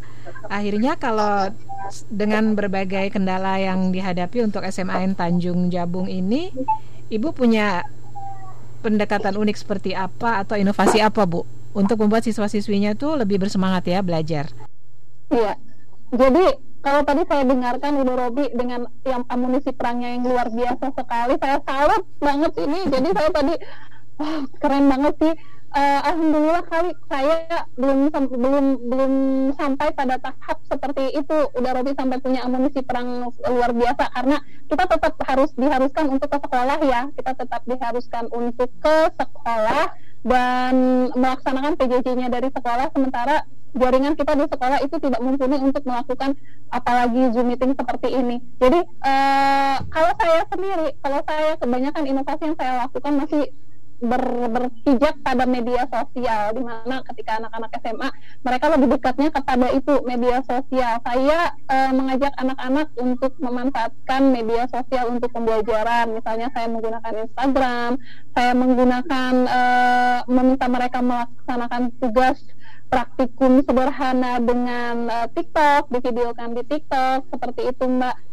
Kemudian saya juga memberikan media-media pembelajaran interaktif yang saya buat kemudian di-share kepada mereka sehingga mereka seperti belajar sambil bermain. Tapi kita tetap punya grup kelas di mana grup kelas itu yang isinya komunikasi apa yang tidak mereka pahami itu bisa kita uh, bisa kita bahas bersama-sama. Nah, di sini karena sebenarnya di sini ini anak-anaknya pun dan masyarakatnya itu pun semakin jauh ya seperti mungkin di tempat-tempat lain ya mbak ya. Semakin jauh dari pusat kota semakin uh, awarenessnya untuk uh, uh, apa ini pandemi ini tidak terlihat. Jadi kita masih bisa bertemu. Nah masih bisa bertemu. Anak-anak masih bisa ke sekolah dengan tetap menggunakan protokol kesehatan mereka tetap menggunakan masker dan ketika mereka tidak paham mereka tetap bisa berkomunikasi dengan guru-gurunya ya kita tidak melarang mereka ke sekolah tapi tetap e, misalnya sudah rame ya satu-satu jangan rame-rame begitu. Satu-satu yang kan kesulitan-kesulitan apa yang dialami begitu mbak. Oh jadi membuka ruang konsultasi ya bu ya.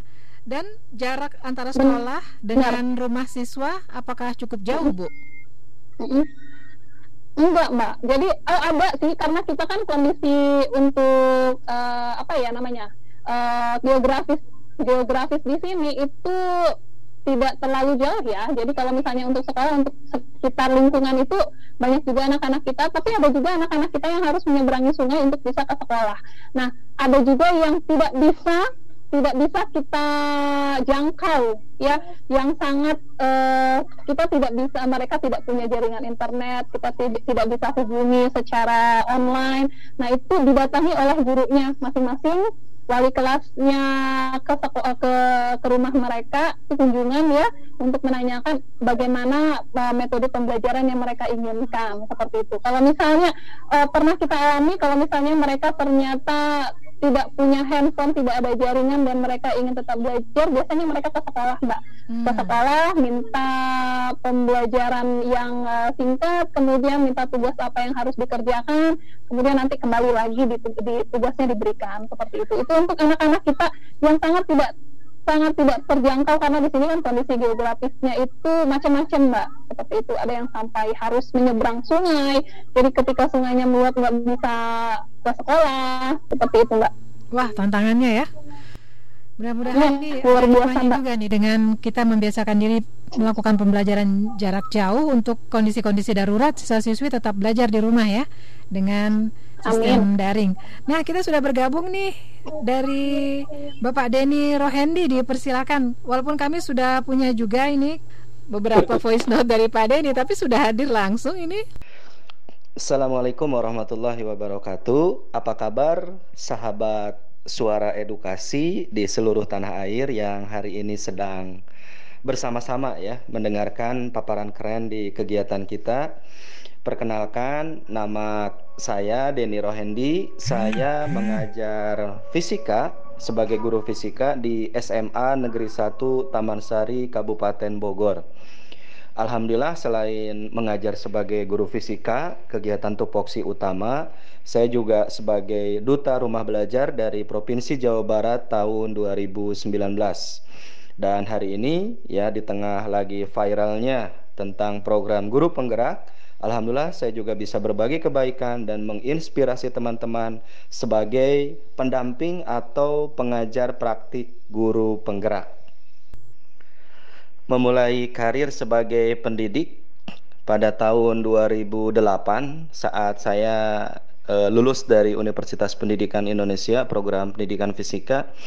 Di 2008 saya mengajar di SD waktu itu di SD Islam Al Azhar Kota Serang sebagai guru IPA tidak lama karena eh, waktu itu sudah ada pembukaan CPNS di Kota Serang dan di 2008 akhir saya mengikuti tes CPNS dan Allah takdirkan alhamdulillah ternyata masuk eh, lulus dengan hasil yang bagus. Kemudian ditempatkan di SMK Negeri 4 Kota Serang. Jadi dari SD langsung loncat ke SMK ya sebagai guru fisika. Di Kota Serang itu saya cukup lama ya sekitar dari 2008 sampai 2012 ya. Itu sekitar empat tahun di Kota Serang ya memulai karir sebagai pendidik ya bertemu dengan berbagai macam sahabat dan juga para siswa dengan karakternya yang heterogen di Kota Serang. Kemudian 2012 ya saya mutasi ya pindah instansi pindah kerja ke SMA Negeri 1 Taman Sari Kabupaten Bogor. Lalu di Bogor juga saya tidak hanya di SMA Taman Sari sempat juga di SMA Negeri 1 Dramaga ya di SMA Islam eh, Hasmi jadi kalau dibuat satu garis lurus perjalanan mengajar saya alhamdulillah dari 2008 hingga hari ini Allah takdirkan masih diberikan kesehatan, kesempatan untuk senantiasa eh, berbagi kebaikan dengan eh, rekan-rekan siswa yang ada di sekolah saya. Dan di rentang waktu itu menjelang 12 tahun kegiatan saya mengajar alhamdulillah ya yang paling penting dan paling utama adalah bagaimana kita bisa membangun keikhlasan dan ketulusan untuk senantiasa menghadirkan kebaikan bagi para siswa. Karena ternyata mengajar itu bukan hanya urusan tentang kognitif pengetahuan tapi bagaimana sejauh mana inspirasi kita keteladanan kita mampu menghasilkan perubahan untuk para siswa kita. Saya ingin menyampaikan tentang bagaimana pengalaman mengajar di era pandemi ini Nah, seperti yang kita ketahui bahwa kegiatan pembelajaran ini mau tidak mau sebenarnya jadi terganggu dalam tanda kutip ya. E, jika dulu kita menggunakan pembelajaran secara langsung ya, fisik di dalam kelas gitu. Dengan adanya pandemi ini ya mau tidak mau kita harus berada dalam kondisi e, jaga jarak begitu ya. Sehingga pembelajaran dilakukan secara jarak jauh. Tetapi apa pun itu bagi guru-guru yang kreatif dan inovatif ya tentu ini tidak bisa dijadikan sebagai sebuah hambatan tentunya ya. Bagaimanapun juga kesehatan yang paling utama dan pembelajaran harus tetap dilakukan. Nah, tentu di awal-awal seperti yang saya alami dan juga beberapa rekan terlihat adanya kecemasan ya pada saat pandemi ini hadir. Waktu itu sekitar bulan Maret ya, pertengahan Maret ya atau akhir Februari ketika pandemi ini hadir gitu kan kita semua dipaksa untuk berlari. Berlari dalam arti penguasaan terhadap teknologi. Semuanya mengalami kecemasan ketakutan gitu ya. Perasaan tidak mampu ya. Apalagi mungkin untuk rekan-rekan guru yang senior dari sisi usia gitu. Namun apa pun itu, ya prinsipnya adalah learning by doing, ya. Belajar sambil mengajar, mengajar sambil belajar, belajar dan mengajar dengan cara eh, praktik begitu ya, secara langsung. Di awal-awal tentu kita sangat kaget ya dengan istilah Zoom, istilah daring, istilah Google Meet, istilah Google Classroom atau di rumah belajar mungkin dengan pembelajaran berbasis kelas maya dan sebagainya. Hal itu adalah sesuatu yang di awal itu dianggap sebagai sebuah hal yang tabu gitu. Tetapi waktu terus berlalu ya, kemudian eh, para guru juga inisiatif melakukan kegiatan pembelajaran yang mau tidak mau harus menghadirkan kegiatan pembelajaran yang menarik di mata para siswa. Webinar-webinar banyak diadakan di mana-mana dan pada akhirnya semua menjadi terbiasa. Nah, eh, pengalaman mengajar saya pada saat era pandemi ini hadir, tentu di awal seperti biasa kebanyakan guru-guru ya yang kita persiapkan adalah rencana pembelajaran atau rencana pelaksanaan pembelajaran RPP ya dengan berbagai uh, format. Tetapi e, kesulitan yang paling utama muncul adalah pada saat e, membiasakan para siswa untuk terbiasa dalam kondisi pandemi ini. Bagaimana dulu pembelajaran di dalam ruang-ruang kelas, hari ini harus beralih ke dalam ruang-ruang kelas secara virtual. Saya e, menitik beratkan kepada tentu yang pertama adalah kesehatan dan yang kedua adalah bagaimana kurikulum tetap dapat tersaji ya tiga fokus utama tentunya tetap ya pengetahuan kemudian keterampilan dan juga sikap. Tapi memang e, kendala yang muncul dalam pembelajaran daring ini adalah bagaimana akses terhadap e, kualitas layanan internet yang menurut saya ini tidak hanya dirasakan oleh saya di sekolah tetapi juga kebanyakan para pengajar di seluruh tanah air juga merasakan hal yang sama. Bagaimana munculnya kendala berupa keterbatasan kuota ya tidak punya gadget ya atau smartphone. Kemudian eh, terutama juga masalah motivasi dan minat begitu ya yang masih cenderung rendah gitu. Nah pengalaman mengajar saya eh, saya melakukan pembelajaran dengan dengan metode sinkronus dan asinkronus sebenarnya ya. Kalau sinkronusnya ya setiap dua minggu sekali saya rutin mengadakan pertemuan virtual dengan para siswa yaitu melalui aplikasi pembelajaran uh, video conference ya, bisa dengan Zoom atau Google Meet. Nah, itu per dua minggu sekali. Kemudian sesi sin, uh, asinkronusnya saya menggunakan metode dengan menggunakan uh, kelas maya dan juga Google Classroom.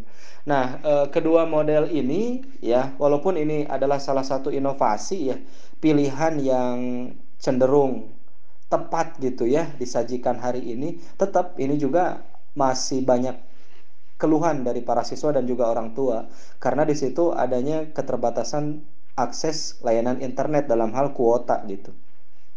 Ya apa pun itu eh, memang menjadi sebuah kendala, tetapi bagaimanapun juga kita harus melakukan inisiatif dalam pembelajaran. Ya, saya juga mencoba mengembangkan pembelajaran dengan menggunakan eh, modul ya dengan menggunakan modul ya saya coba cuplik dari satu KD dengan KD yang lain. Saya buatkan modul sederhana gitu kan. Saya kirim di grup WhatsApp ya mau tidak mau WhatsApp itu menjadi penting sekali ya. Karena komunikasi yang paling mudah ya dengan anak-anak itu menggunakan WhatsApp. Bisa 24 jam tentunya ya. Nah, walaupun WhatsApp juga menjadi sesuatu yang mudah dan murah, tetap ya tidak semua siswa juga punya gitu. Nah, apalagi kita tidak diperkenankan bertemu secara fisik gitu. Ya jadi eh, pada akhirnya bukan pasrah ya tetap kita para guru menjadikan ini sebagai sebuah eh, tantangan gitu. Lalu lantas bagaimana solusinya? Ya kami di sekolah mencoba inisiatif karena kita punya laboratorium komputer ya. Kami coba dengan tim kurikulum mendata para siswa yang terkendala masalah gawai gitu ya, masalah layanan kuota. Nah, secara bergilir kita coba inisiatif ya mereka berkumpul e, tentu mem, mem, apa, mematuhi protokol kesehatan begitu ya. Dalam satu pekan itu ada beberapa siswa yang kita data yang memang secara kuota dan juga kepemilikan gawai mereka tidak punya. Ya kita fasilitasi di sekolah. Ya pada akhirnya untuk siswa-siswa yang memang sangat-sangat terkendala ya kita e, coba lakukan pembelajaran dengan uh, blended learning ya. Bagaimana menyatukan antara aktivitas virtual daring dengan aktivitas uh, luring gitu ya atau offline begitu. Nah, apa pun itu tentunya para guru kita sangat berharap tetap ya menjadikan tantangan dan e, kendala ya yang ada di lapangan ini sebagai sebuah e, action kita ya untuk terus bergerak dan menggerakkan pembelajaran di ruang-ruang kelas kita menjadi pembelajaran yang benar-benar dibutuhkan oleh para siswa dengan segala keterbatasannya. Metode pengajaran yang diberikan kepada para siswa tentu adalah jenis pembelajaran yang memang eh, mengadopsi ya karakteristik dan juga kebutuhan para siswa. Salah satunya saya menggunakan metode sinkronus dan asinkronus ya kalau bahasa digitalnya. Nah, sinkronus ini lebih kepada aktivitas tatap muka secara virtual ya, bisa menggunakan media Zoom, Google Meet atau mungkin WhatsApp uh, video call ya. Walaupun fiturnya terbatas hanya untuk beberapa siswa gitu. Nah, di metode sinkronus atau tatap muka secara virtual ini memang uh, dari awal pandemi sampai hari ini pun belum pernah saya mendapatkan 100% siswa bisa hadir di ruangan Meet atau di ruangan Zoom. Karena terkendala dengan kuota, ketidak ya tidak memiliki gadget dan sebagainya gitu. Itu selalu ada yang seperti itu. Tetapi ya tetap harus dicoba, tetap harus dilakukan ya walaupun yang hadir hanya 50% bahkan pernah hanya 20% dari total siswa gitu. Harapannya adalah ketika pun yang hadir di sesi sinkronus ini hanya 20% atau mungkin 50%, saya harapkan dari teman-temannya yang hadir itu ya kita berikan tugas kepada mereka untuk menyampaikan kembali ya materi yang diberikan oleh guru secara sinkronus di Zoom tadi. Mereka akan menyampaikan kembali kepada teman-temannya yang tidak hadir. Jadi intinya di sini ada pembelajaran tutor sebaya gitu ya. Pada saat para siswa bisa hadir dalam ruangan virtual, kita berikan tugas kepada mereka untuk juga menyampaikan kepada teman-temannya yang tidak hadir. Kemudian metode pengajaran yang kedua tentu dengan asinkronus. Nah, asinkronus ini modelnya banyak ya, bisa di kelas maya, bisa di Google Classroom, bahkan penugasan melalui WhatsApp gitu ya, memberikan uh, tugas melalui modul, berkolaborasi di Google Docs, Google Slide ya.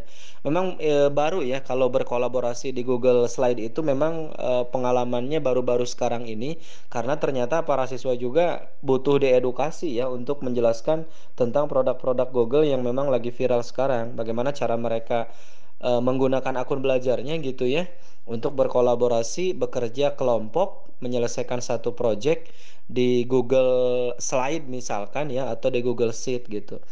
Nah, memang eh, bagaimana ya istilahnya untuk mengurangi ketergantungan terhadap digital yang memang tidak bisa karena kondisinya menuntut kita untuk pembelajaran jarak jauh. Nah, sehingga memang keterbatasan permasalahan-permasalahan yang muncul di awal seperti kuota dan handphone yaitu harus menjadi perhatian semua pihak. Termasuk pemerintah kan sudah memberikan bantuan kuota belajar ya waktu itu kan dan sekarang juga mungkin akan digagas kembali itu. Kemudian eh, adanya sarana penggunaan laboratorium TK di sekolah untuk memfasilitasi para siswa yang memang bermasalah gitu dari sisi kuota dan juga kepemilikan handphone. Nah, e, metode pengajaran seperti ini apakah efektif? Ya, efektivitas itu mungkin ya. Atau yang saya pahami efektivitas di sisi pembelajaran pandemi ini mungkin itu bisa menjadi poin kedua. Setelah yang pertama tentu faktor kesehatan. Intinya adalah pembelajaran tersampaikan, para siswa memahami apa yang harus dan mereka kerjakan begitu pembelajaran tersaji, pembelajaran tersampaikan walaupun dengan keterbatasan. Ya, tentu di satu momen ada kalanya juga pembelajaran lewat WhatsApp itu cenderung lebih efektif. Mengapa? Karena tidak semua siswa memiliki kuota yang mumpuni gitu untuk bisa hadir dalam Zoom. Tapi pengalaman saya ketika mengadakan Zoom atau Google Meet ya, pembelajaran secara virtual itu tidak pernah tidak ada yang tidak hadir gitu. Artinya selalu ada yang hadir walaupun hanya 20%, 10 orang siswa. Nah, 10 orang siswa ini pada akhirnya nanti akan diberikan tugas untuk menyampaikan kepada teman-temannya yang lain. Terus pembelajaran di Google Classroom-nya seperti apa? Ya tidak hanya pemberian tugas ya. Tugas itu kalau saya dalam satu hari di hari Senin itu di blast semuanya gitu, di blast untuk semua kelas. Jadi satu tugas dikerjakan untuk satu minggu di satu kelas. Jadi misalkan pembelajaran saya di hari Senin dan di hari Kamis untuk kelas 11 MIPA 5. Nah, itu pembelajaran yang diberikan itu satu tugas di hari Senin. Itu untuk dikerjakan di dalam satu minggu. Walaupun di hari Kamis nanti ada pertemuan secara virtual gitu. Intinya tidak memberatkan, tidak juga melulu anak-anak diberikan tugas, tetapi kita juga inisiatif ya memberikan pembelajaran dengan video mungkin ya. E, bagi teman-teman yang suka membuat video ya saya juga sering ya tetapi yang durasinya tidak terlalu lama teman-teman ya. Cukup tiga menit saja yang sering saya lakukan. E, kalau terlalu jenuh misalkan anak-anak dengan pembelajaran di Google Classroom ya kita bisa buat video pembelajaran khas kita saja ada kalanya hanya cukup dengan screen recorder, mungkin dengan video scribe, mungkin juga kita dengan uh, tampil di proses syuting itu ya untuk pembuatan video.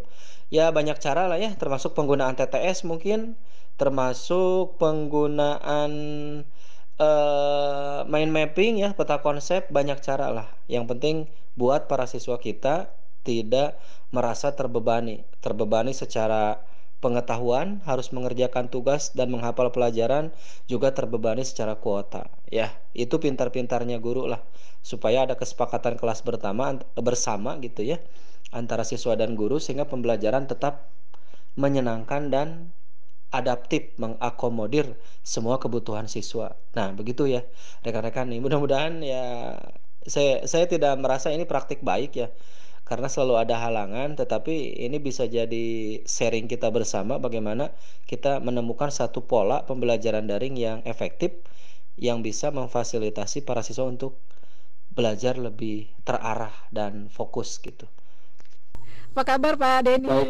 Assalamualaikum. Ya, baik, baik, baik, baik, baik. Jadi estafet ya, maraton nih kesibukannya. Yeah. Terima kasih Pak sudah bergabung. Langsung saja Bapak menyapa baik. dengar suara edukasi, memperkenalkan diri. Ya, baik. Assalamualaikum warahmatullahi wabarakatuh. Waalaikumsalam warahmatullahi wabarakatuh. Waalaikumsalam warahmatullahi wabarakatuh. Salam sejahtera untuk kita semuanya. Om Swastiastu, nama budaya, salam kebajikan. Alhamdulillah, eh, sahabat suara edukasi. Di sini ada Bang Robi Pramana yang saya banggakan sahabat saya. Ibu Dona yang baru saja satu room dengan saya di ruangan sebelah dan langsung loncat lagi ke sini. Kemudian dari tim suara edukasi ada juga Ibu Najmatul Wibabi Halim. Salam kenal Ibu. Dari Makassar Bu ya Iya. Oh, Alhamdulillah. Terima kasih ini sahabat suara edukasi ya. E, kita bisa bersilaturahim di sini ya, berbagi tentang praktik baik pembelajaran di masa pandemi. Jadi beberapa saat yang lalu, memang saya baru kembali dari SMP Negeri 1 Cigombong kepada Ibu rekan-rekan semuanya untuk melakukan pendampingan e, calon guru penggerak ya. Jadi ini sudah memasuki bulan ketiga ya bagaimana kami sebagai pendamping pengajar praktik guru penggerak untuk memastikan bahwa para calon guru penggerak ini e, bisa tetap eksis semangat untuk melanjutkan kegiatan e, program guru penggerak. Karena programnya cukup lama itu sekitar 9 bulan ke depan dan baru berjalan tiga bulan. Jadi kenapa 9 bulan? Karena ya idealnya waktu kelahiran kan 9 bulan. Jadi nanti akan lahir tunas-tunas baru guru-guru penggerak yang menginspirasi yang melakukan transformasi perubahan di Indonesia. Baik terkait dengan pembelajaran pembelajaran apa ya tantangan pembelajaran di masa pandemi ya. Saya tadi juga sempat masuk ke IG-nya suara edukasi ya. Ngintip sebentar tadi Bang Robi sudah bicara tentang banyak hal juga Ibu Najmato ya. Tadi saya coba sempat menyimak gitu.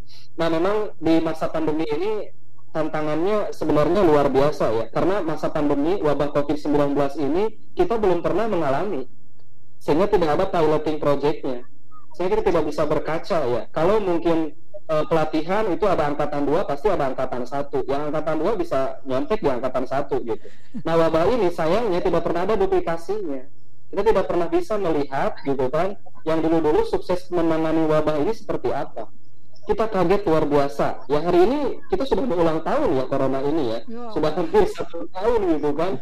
Nah, ya. waktu Februari di Bogor itu Maret ya, waktu itu Maret 15 Maret kita mulai menetapkan PJJ di kabupaten maupun di kota itu 15 Maret. Karena eh, saya masih ingat sekali dulu ya yang kena COVID pertama selain di Depok itu kan ada eh, Bapak Menteri Perhubungan waktu itu yang yang rame gitu kan. Yeah.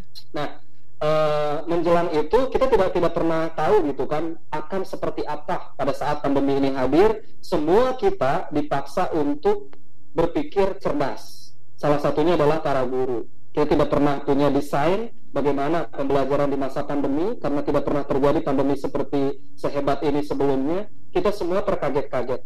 Dan bahkan beberapa guru ya apalagi mohon maaf ya guru-guru yang sudah uh, senior begitu ya sangat sangat apa namanya cemas dengan adanya pandemi ini. Sangat sangat cemas gitu. Bagaimana dulu istilah zoom istilah daring itu adalah istilah-istilah yang sangat menakutkan. Bicara tentang Google Classroom juga sama yang sangat menakutkan. Tetapi yang saya alami di sekolah juga ya misalnya eh, di semester ganjil dengan segala keterbatasannya bisa terlaksana ya walaupun banyak keterbatasan. Nah poin mereka adalah bahwa saya ingin menggarisbawahi seperti apa yang disampaikan oleh Mas Menteri bahwa kegiatan pembelajaran di era pandemi ini fokusnya ada dua sebenarnya. Yang pertama kesehatan, yang kedua kepada pendidikan.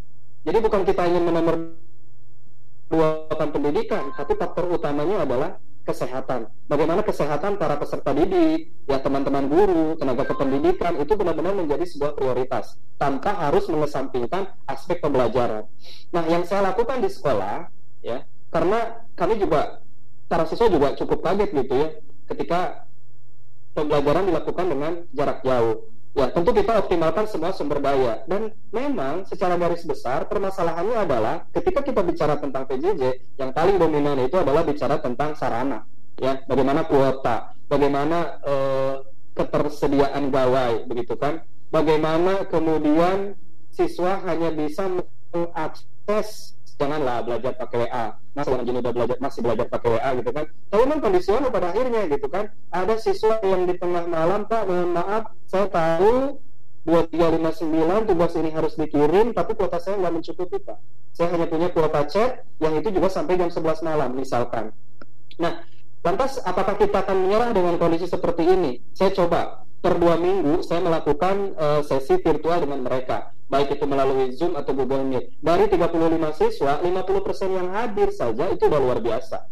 Ya, per dua minggu biasanya kami melakukan pembelajaran virtual dengan mereka per dua minggu, ya. Dan di minggu kedua itu kita melakukan pembelajaran virtual, sementara di minggu selanjutnya kita me Mohon maaf ya, ada kendala jaringan kembali. Kami segera kembali setelah ini. Nisa takut, Ma. Nggak apa-apa, Nisa. Nanti kalau sakit gimana, Ma? Nggak bakalan sakit kok. Pulang saja yuk, Ma. Permisi, Bu. Iya, Pak. Antriannya tinggal berapa lagi ya? Oh, tinggal anak saya ini. Uh, oh, syukurlah. Uh, aduh, uh, soalnya sudah cenut-cenut ini, Bu. Giginya kenapa, Pak? Uh, gigi saya berlubang, Bu. Aduh. Misa Aulia, silakan masuk. Misa, sekarang giliranmu. Bagaimana? Masih mau pulang? Ah, enggak, Ma. Nisa mau diperiksa saja. Nah, adik-adik, ayo kita rajin periksa ke dokter gigi agar terhindar dari sakit gigi. Ayo ke dokter gigi.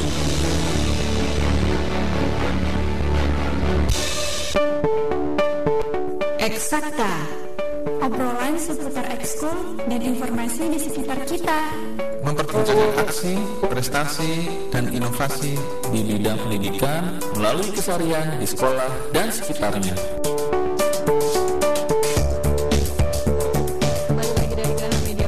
Pusjatin 1440 AM Suara Edukasi yang akrab dan mencerdaskan bisa didengarkan melalui streaming suaraedukasi.kemdikbud.go.id. Wah, ayo Pak, semangatnya dilanjutkan Pak Denny. Ya, boleh lanjut Oke. Pak. Bismillahirrahmanirrahim. Baik, baik. Iya, iya, iya. Baik. Jadi ketika ketika kita 50% saja siswa hadir di kegiatan virtual atau kegiatan Zoom, kegiatan daring gitu ya, kegiatan eh, pembelajaran secara tatap muka melalui virtual, itu sudah keren ya rekan-rekan semuanya. Tetapi pada hakikatnya bukan tentang gini gini, ketika kita menilai sikap siswa, ketika kita menilai keaktifan siswa, perkaranya adalah bukan bukan dari aspek pengetahuan semata gitu.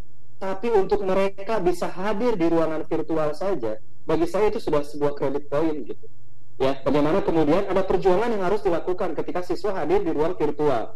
Ya, Pak, mohon maaf. Nah, sebelumnya ada konfirmasi saya tidak bisa bergabung karena alasan ini, ini, ini, dan lainnya gitu. Nah, ini ini menjadi tantangan bagi para guru ya. Kami yang ada di Kabupaten Bogor jaraknya bisa tidak nyampe seperti ini. Ya, apalagi teman-teman yang ada di luar sana. Tapi saya melihat teman-teman yang ada di Maluku, yang ada di NTT, yang ada di Papua, mereka eh, nyaman, mereka bisa gitu ya menghadapi ini. Apalagi tentu eh, kami yang ada di tanda kutip di sebuah kota yang tidak jauh dari eh, ibu kota negara gitu. Maka saya ingin pastikan para rekan-rekan sahabat suara edukasi di mana pun ya para guru yang hari ini sedang menyimak sajian keren kita ini ya kalau kita genetiknya adalah guru ini saya ulangi lagi karena tadi sempat terputus kalau kita genetiknya adalah guru apa pun itu, ketiadaan media, ketiadaan sarana, kuota dan sebagainya, kita pasti bisa berinovasi untuk menghadirkan pembelajaran yang tetap fokus kepada kualitas para peserta didik kita. Salah satunya tadi ya, bisa kita eh, berkolaborasi dengan eh, pihak sekolah untuk mendata siapa siswa yang kemudian tidak bisa kita undang melalui virtual, yaitu bisa kita sediakan akses laboratorium di sekolah, penggunaan perangkat TIK di sekolah dengan laptop, dengan kuota yang mencukupi dan sebagainya.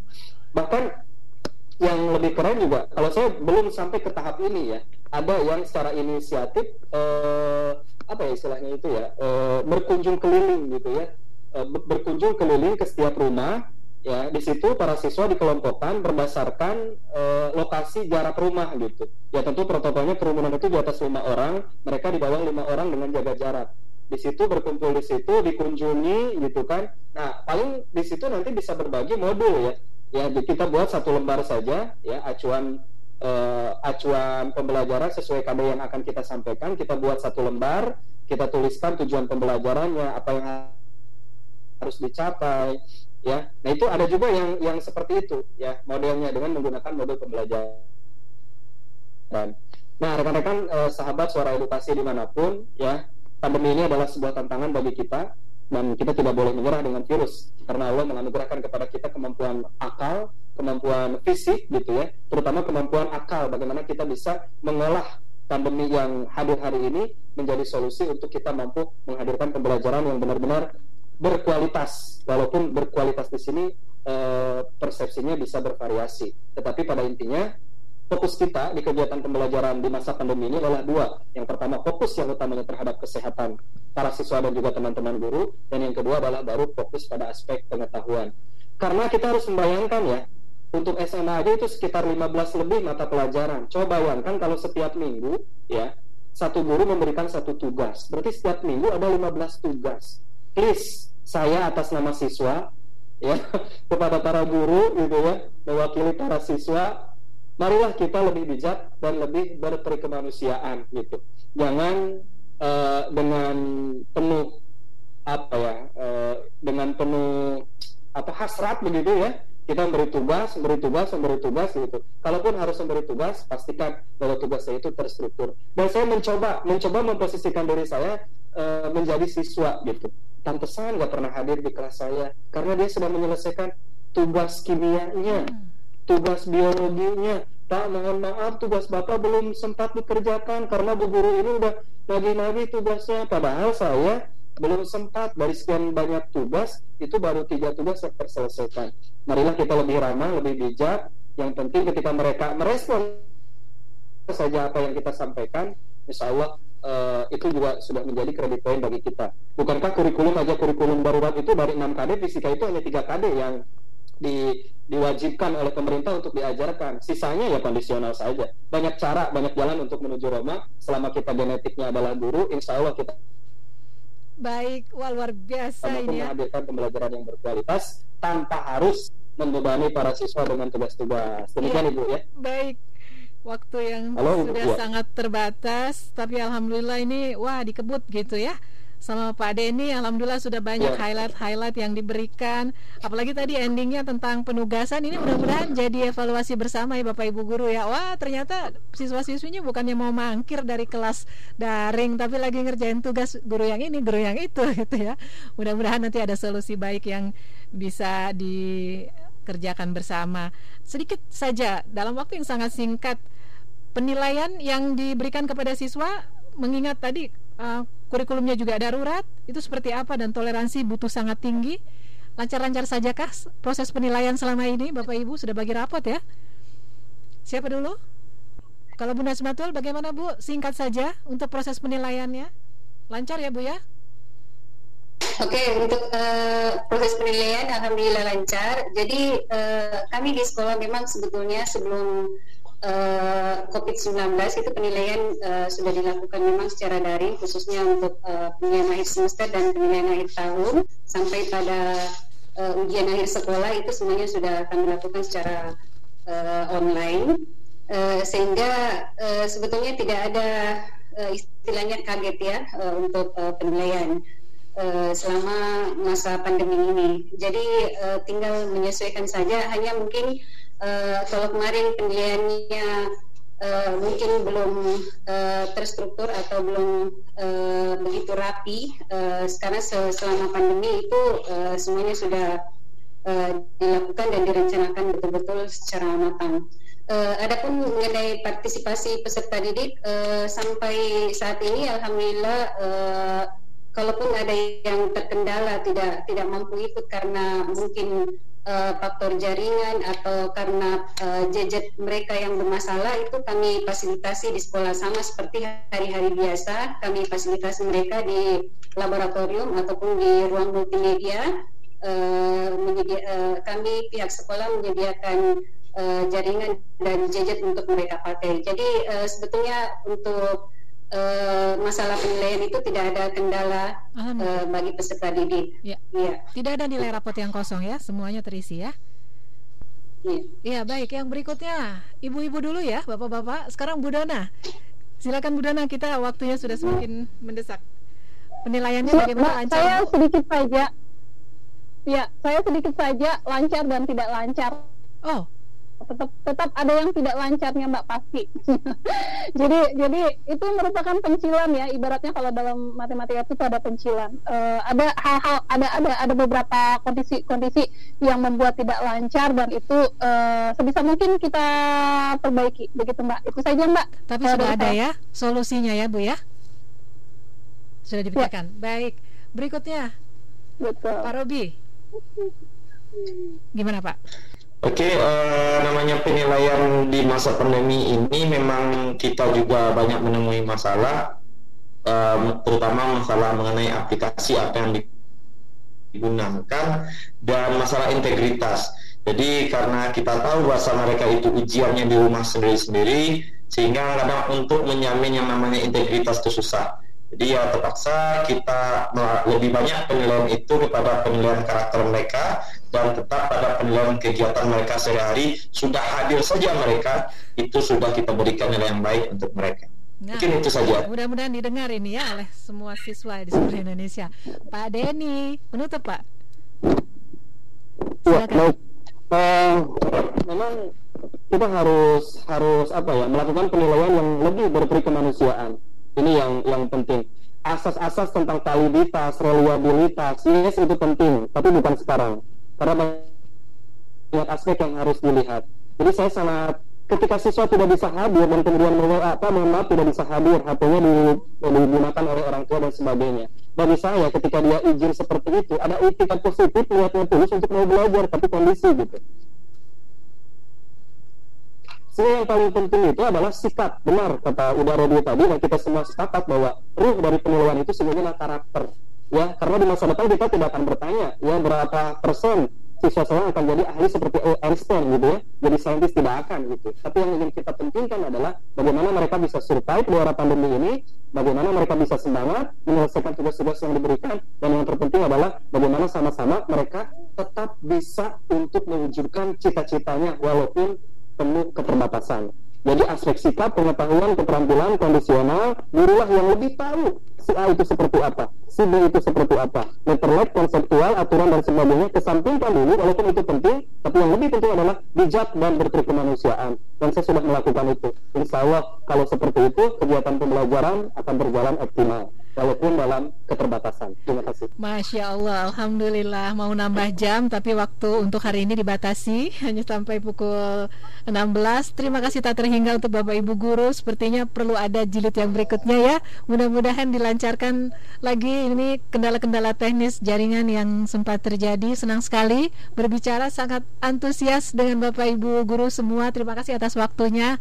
Sudi berbagi bersama Suara Edukasi banyak sekali catatan-catatan baik yang sudah kami rekam di sini. Insya Allah untuk kesempatan yang akan datang kita bisa buat janji lagi ya Bapak Ibu Guru. Semangat belajar, mengajar karena Bapak Ibu Guru juga harus belajar terus dan jaga kesehatan selalu. Kami semua membutuhkan Bapak Ibu Guru nih sebagai garda terdepan untuk mendampingi anak-anak kami semua ya di sekolah. Sampai jumpa di lain kesempatan. Seluruh narasumber hari ini kami ucapkan atas nama kru yang bertugas saya Hani dengan diproduseri oleh Ibu Mira Maulia dibantu rekan siswa, rekan Firna, rekan Syarif dan juga rekan Charlie. Mohon maaf untuk segala kekurangan. Sampai jumpa di lain kesempatan. Assalamualaikum warahmatullahi wabarakatuh.